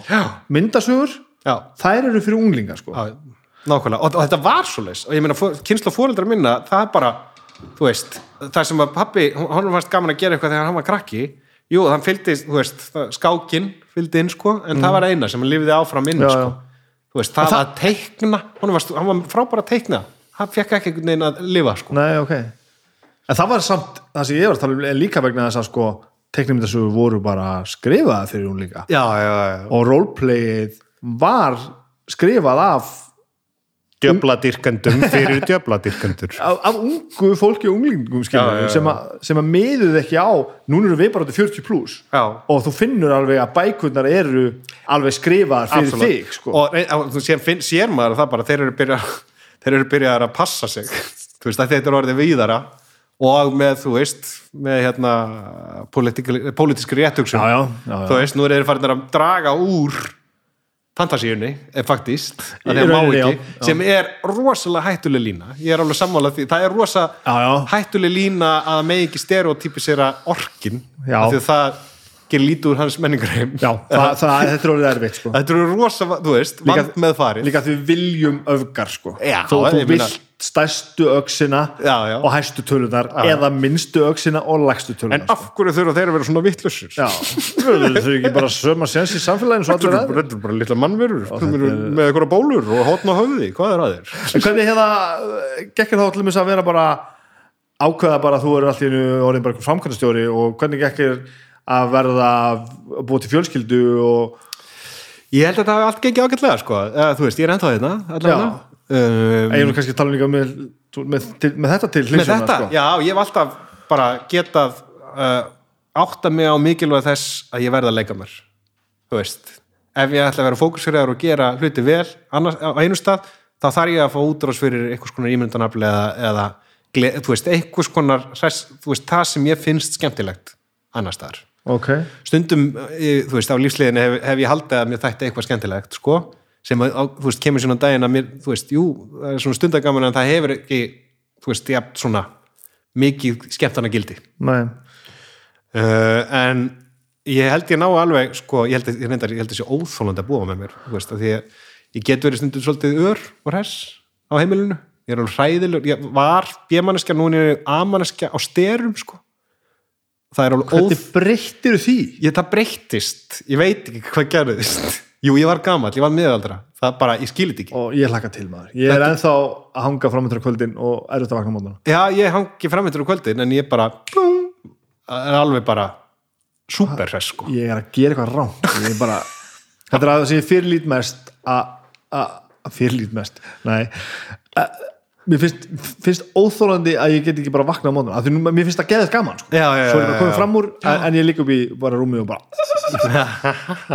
bara, hvernig hérna hvernig hérna kynntustu konunni Herðu, við kynntumst í háskólanum. Ég í bókundafræði og hún í íslensku þá. Ég kynntum sameinlega vinkonu. Og við vorum svona að, að, að slá okkur saman í einhver tíma. Uh, off og on. Og svona á endarum ákvaðu að gefa þessu smá séns það var mjög fallegt sko. Þetta var bara, sko að lægið okkar. Engan nota. Mm -mm. að lægið okkar var Paradise City. Guns N' Roses. Guns N' Roses, það ómaði við fyrsta kossin sko. Það er frábær saga. Paradise City. Ekki það var eitthvað, það var eitthvað gott sko. Já og síðan við giftum okkur fyrir tveimur árum. Að verða, nei, rú- rúmlega. Já, Já, ég er mjög nú er hann ekki ánað því að þetta fara að reikna eitthvað sko.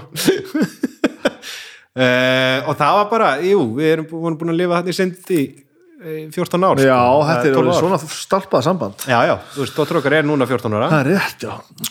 Uh, og við vorum alveg búin að búa saman í uh, alveg gleitt á halvt ár en hún leið dagsins ljós sko. Og, og, og kona er alveg átta sig alveg á því að það þarf að leika sér svona. Já, og, það er reyndar, það er það frábæra, þú veist, eitt af hérna, eitt af því fallega við okkar samband, sko, er hún sko, það er ekkert vesinn með það. Nei. það er bara fullkomin skilningu með það.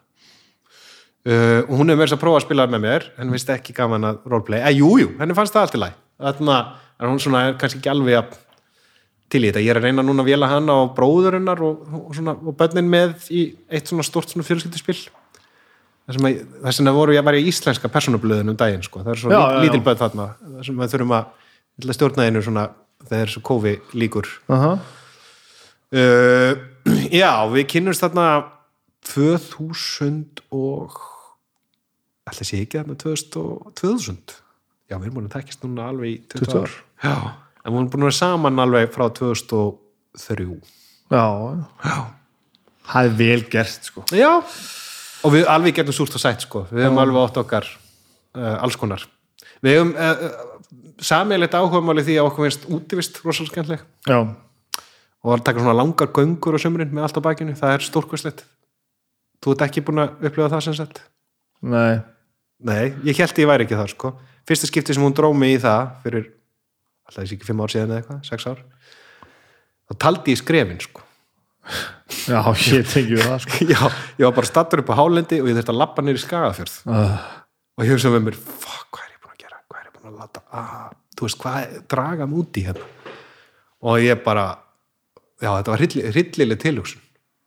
Og ég var að byrja að telja, þú veist, nú er ég búin með þúsund skref, þá er ég bara, þú veist, hvað ætli sem mörg skref á dag og eitthvað síðan bara síðasta daginn var ég bara frelsaður, sko, okay. stórkastlegt Og veistu hvað, hvað það var sem að þú þurftir að skilja? Nei, ég, ég veit það ekki sko. Ég held að það sé aðlega bara þetta að vera þú veist, laus við allt áreitið þú veist, bara út í náttúrunni. Eh, þú veist, þú ert bara með tjaldi á bakkinu og einhvern þurrmann sem er ógæstlegur og bræði eða þú veist, ógæstlegur í áferð og bræð og allt. Nema hvað eftir að hafa lappa 20 km þá er allt gott. Og bara finnast þetta gott eitthvað, eitthvað þurrmatur sem þú blanda vatni og er bara svona, djöfull er þetta gott Já, það er eitthvað stórkvæslið við það sko Jú, og síðan, þú veist um, Jú, ég, þú veist hún, hún er alveg ótrúlega góð í umbera þarna, ruglið í mér sko og hérna og bara þetta, það er bara svona fullkomið skilningur með Já. það að hérna, mér skaman að leika mér og, og það, bara, það er bara eðlilegur hlutur að, að fá að leika sér sko. En það er alltaf miklu auðveldara ef að mikilvæg hlutinir er, er í lægi Já, já, absolutt sko. það, það, væri, já, það væri ekki í lægi, eða þú veist, það væri eitthvað skrítið ef allt var í steik Já, því, það er alltaf ekkert mála að fara á leika sér ef að þú veist, allt annað er bara ef það er búið að gefa öllu öðru sem þarf tíma, Mm. Tíma Já. og það er til að, nóg fyrir reikningunum og allir eru bara klæddir og, og og, og, og sattir sko já, já. En stærsta verkefni núna hjá okkur er alveg þetta, þetta, það að eiga úling er alveg magnað sko. mann finnst svo stutt síðan maður var aðna Já, og ég skil dóttir mína alveg, ef hún er að hlusta ég bara skil þig mjög vel. Stundum bara skil ég þig ekki. Já, Nei, það er alveg, þú veist, þetta er bara og, að og kannski er það líka bara það maður er bara horfir á heiminn og hann er bara svo sturlaður, sko, þetta, þetta er allt þetta, hérna, snjalltæki afturinn og þetta, hérna social media og allt þetta social dilemma sem að, þú veist, vorum að tala um í byrjun. Mhm. þetta er svo mikið áreiti, sko. Og þetta hefur svo, þú veist já, þú verður að sjá þessa mynd, ekki- hún svo áhugaverð.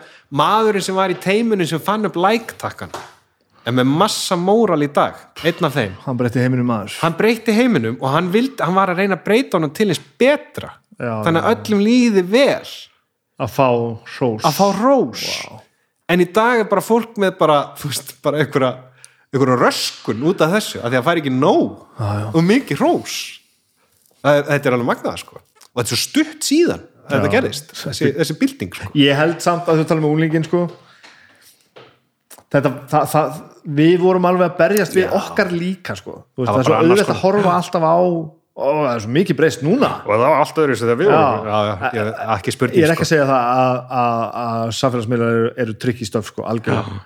En svo annað með þetta skilji ekki úlingin sinn sko. mm.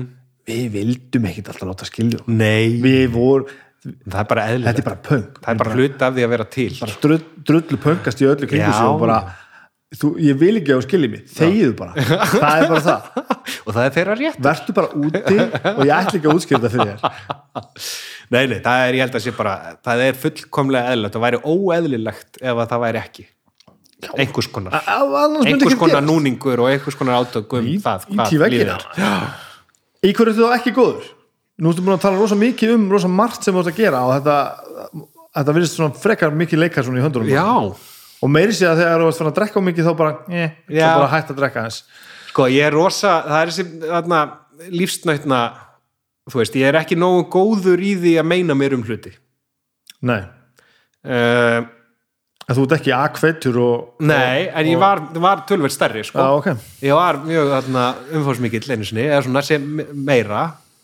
Uh, og það var svona eiginlega bara hefni, svona, það var svona láni óláni að ég skildi hérna að ég grentist sko, að því að ég sagt fór á svona, svona heftarlegan pensilingúr allt og lengi sem rugglaði alveg hérna þarmaflórunni og allt fór í steik Já, inni það. og allt fyrir steik í meldingur eða svona, þú veist, sem að koma út í einhvernum útbrotum og eitthvað svona, þú veist, það var bara læknisfræðileg svona stúdía, sko. Og þá, heyrðu, þetta, ég var að segja þessu þetta, ge- þetta er svo góð að þá, þú veist, ég var búin að fara til læknis og alls konar sérfræðinga og þá sagði konum mín, heyrðu, fara og tala við hana Matildi, sem er eitthvað svona náttúrulæknir. Og ég bara, já, ok. Fóð til hennar og það, hún lætur mann halda á svona játnstöngum sem að leiðir výrun í tölvu. Og hún les bylgjurnar í líkamannu þínu um það hvað þarf að laga og hvað ekki. Og ég er, þú veist, frekar skeptiskur á svona. Kom bara beintin í USB eða? Ja, þetta var bara nánast, þetta var eins og mér leiði eins og ég væri í einhverju svona, hérna, vísindakirkjunni sko, þetta var bara svona Scientology eitthvað. Og hún bara var að lesa bylgjurnar á mér og hérna og segja bara, heyrðu, þú verður að sleppa þessu ekki borða þetta, ekki borða þetta. Og hún svona, maður fæ bara svona lista hvað maður á að borða og hvað ekki. Og í grunninn var þetta bara það að uh, það komið svona ójöfvegi í þarmaflórinu þannig að það er svo kallar kandítasveppur komin í algjört rugl uh, og hann nærist á sigri þannig þurfti bara að kött út allan sigur allt kolvetni og allt svolis er það ekki samt lausnin við öllu? Býtu, einmitt, og ég bara, jú, ok. Og þú veist, það er bara keto. Ég var búin að vera í því tvo mánuði þegar, ég býtu, heyrðu, þetta er bara keto. Já. þú veist, jú, það er bara það, það er bara, og þá bara fyrir bara líka mann að vinna úr uh, úr fytunni, svona uppsöfnuðu fytunni, sko, en það sem sannfærði mig, það var stórkostlegt var hjælt þarna á þessum hjátstöngum inn í einhverju tímahylkja því að mjög sérstök þarna stemning inn í þessu rými hjá henni, þetta er eins og lappin í 1986 og bara gömul eitthvað svona mannlíf og nýtt líf og séð og heyrst þarna á borðinu sko. og hún mjög sérstök kona og hún las þetta og bara, þú veist, sagði mig hvað þetta gera hvernig þetta reynsa mig og þú veist, bara reynsa kerfið. Og síðan bætt hún við, heyrðu og síðan hérna, þarf að láta kíkja á hérna vinstri augtennuna þína sem ég held á hérna. Og þá tveim dögum áður hafði ég fengið svona einhvern seyðing í tönnina og það er svona gamalt ég það braut, brauti með tönn fyrir mörgum árum, þú veist, á mettskólaaldrinum við að detta. Og, og það var eitthvað svona smá seyðingur hérna, ég hafði ekki sagt einu svona konunum minni það var í seyðingur, seyðingur er bara eitthvað, svona, hm, það er eitthvað í gangi hérna, ég þetta kannski að teka tannlækni. Og, og hún sagði bara, og þetta er kannski bara að heyra strax í tannlækninu það gæti verið sýking. Kjáftæði ekkert kjart að ég held þarna í áttstöngunum bara, right, ok.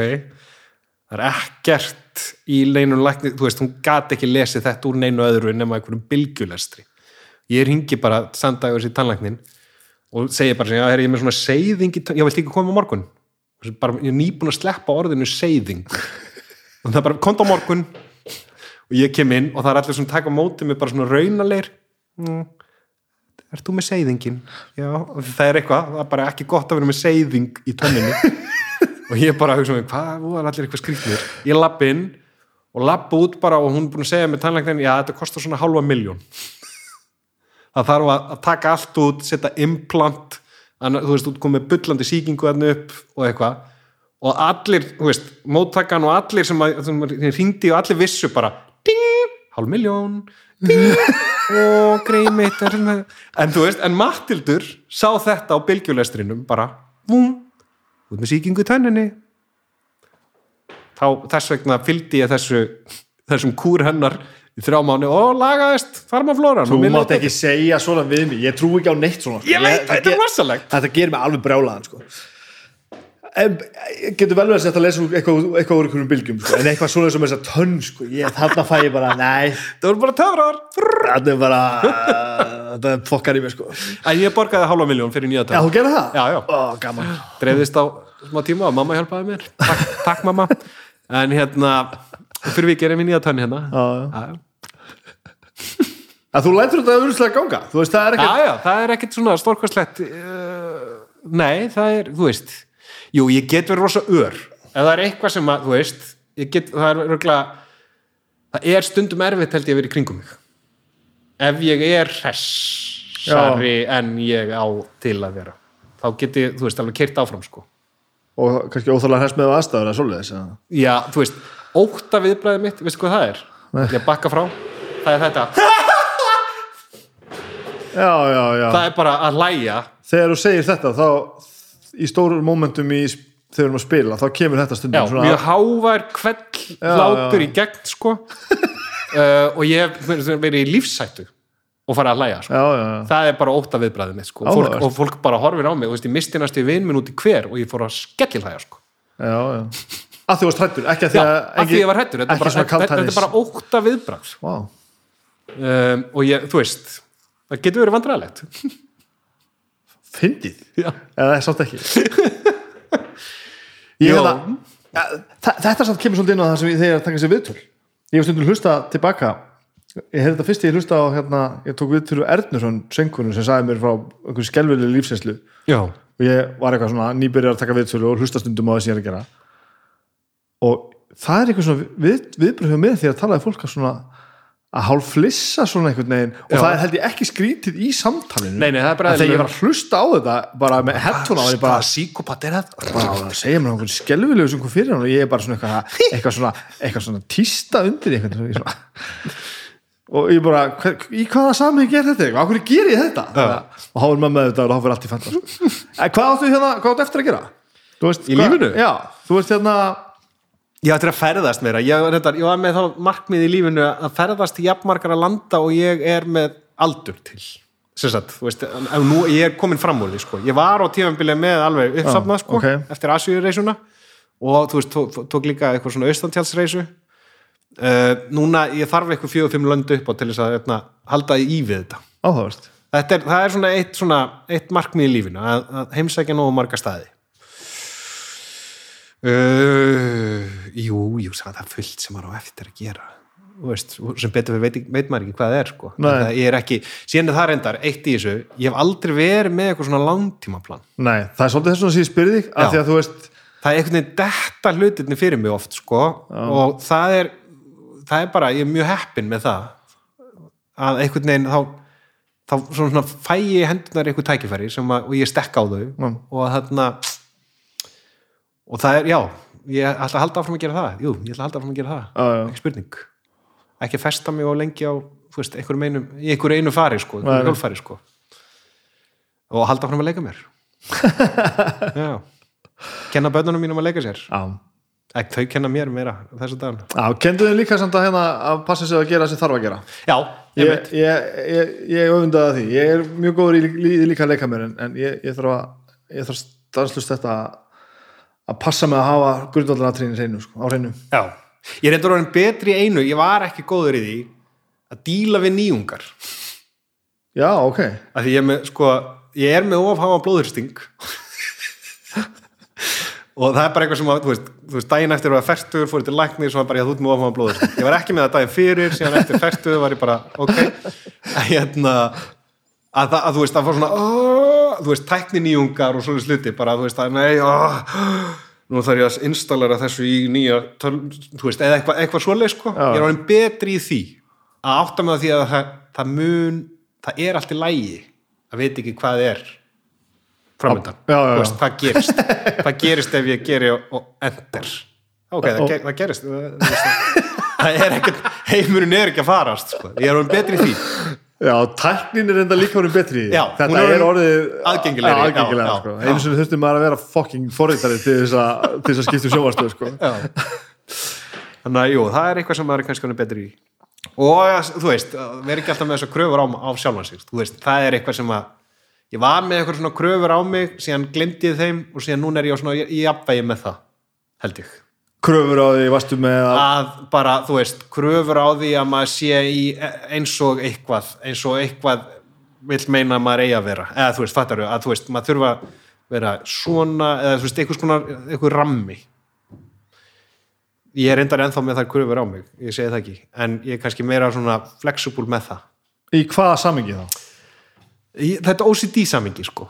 Að hlutinni séu í lægi já, já, þú veist, að, að, að, að maður sé uh, maður getur staðið sig og maður getur líka slakkað, veist, maður getur verið uh, að það sé eitthvað jafnvægi þarna, sko. það þarf ekki alltaf að. Það þarf ekki alltaf alltaf að vera fullkomið sko. það eiginlega væri best ef ekkert væri fullkomið aldrei sko. já, það er best þannig. Það er auðvöldur að segja það heldur en að fara eftir því sko. já, maður gleymir sér í því. Ég held að það tekst okkur. Jú, bara? var það gott. Já, takk fyrir að bjóða mér í þetta samtal. Já, takk fyrir að tala um mig. Já,